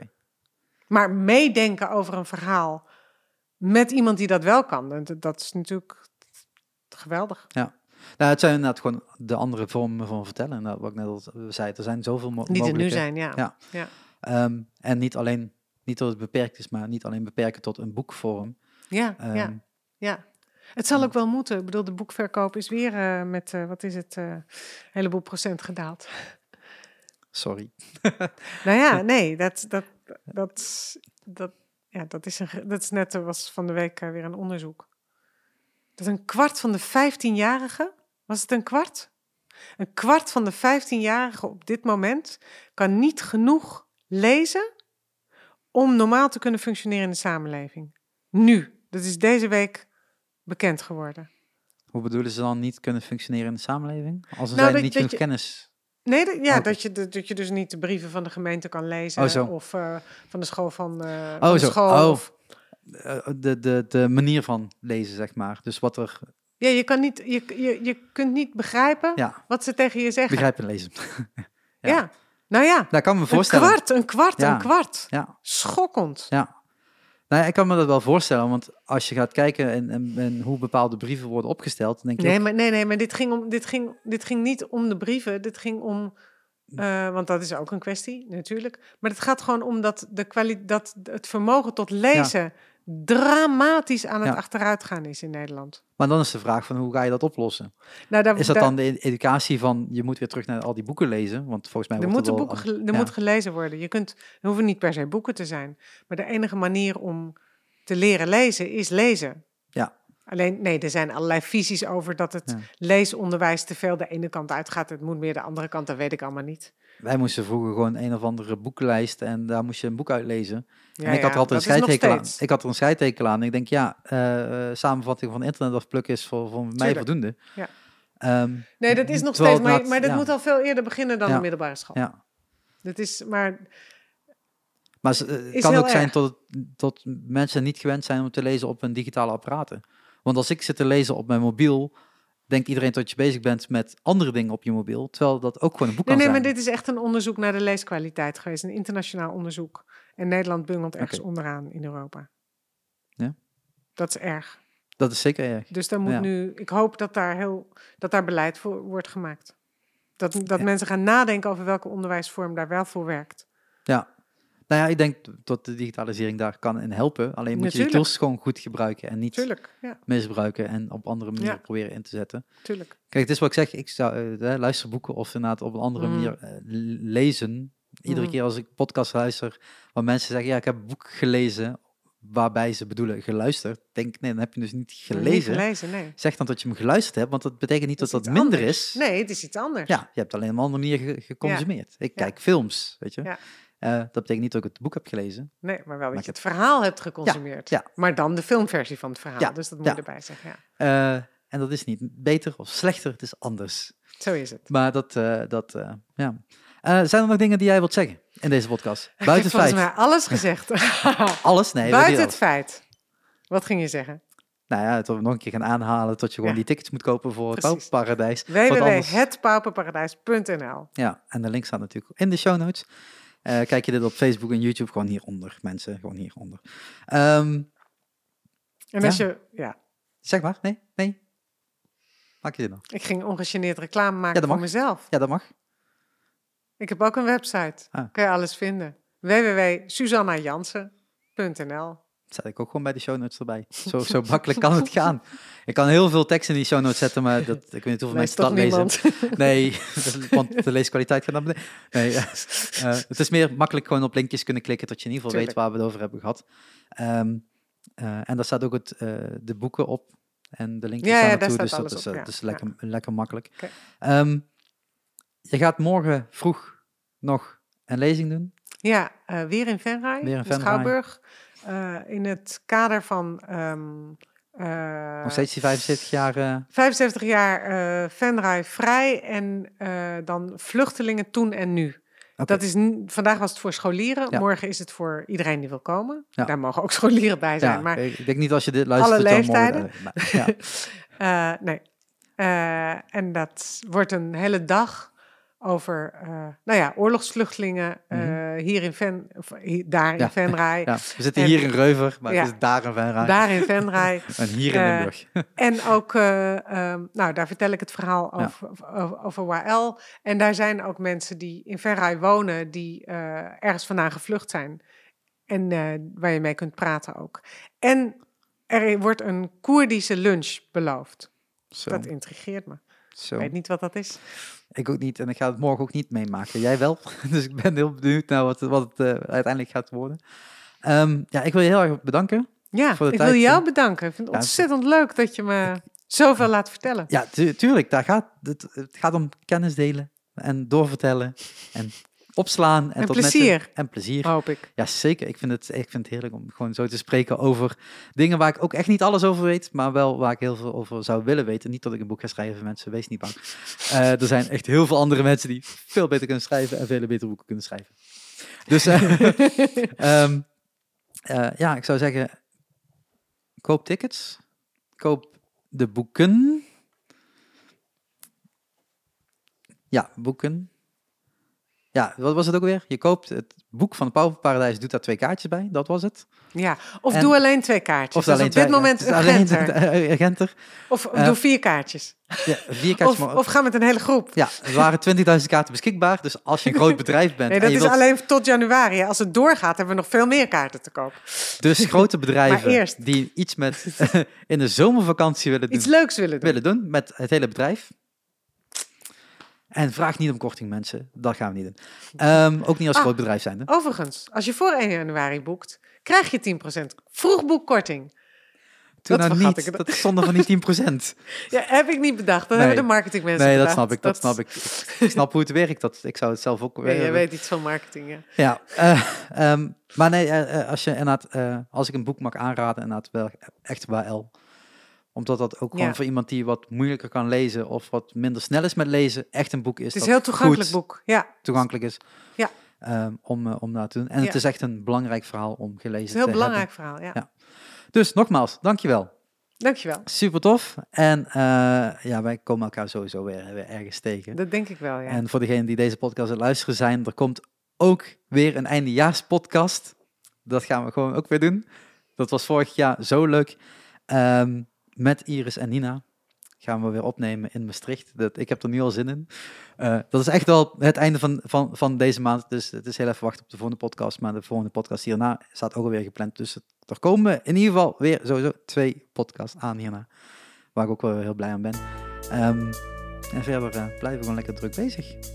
Dankjewel nogmaals. En eh, tot de volgende Shark Talk. Dankjewel. Doei!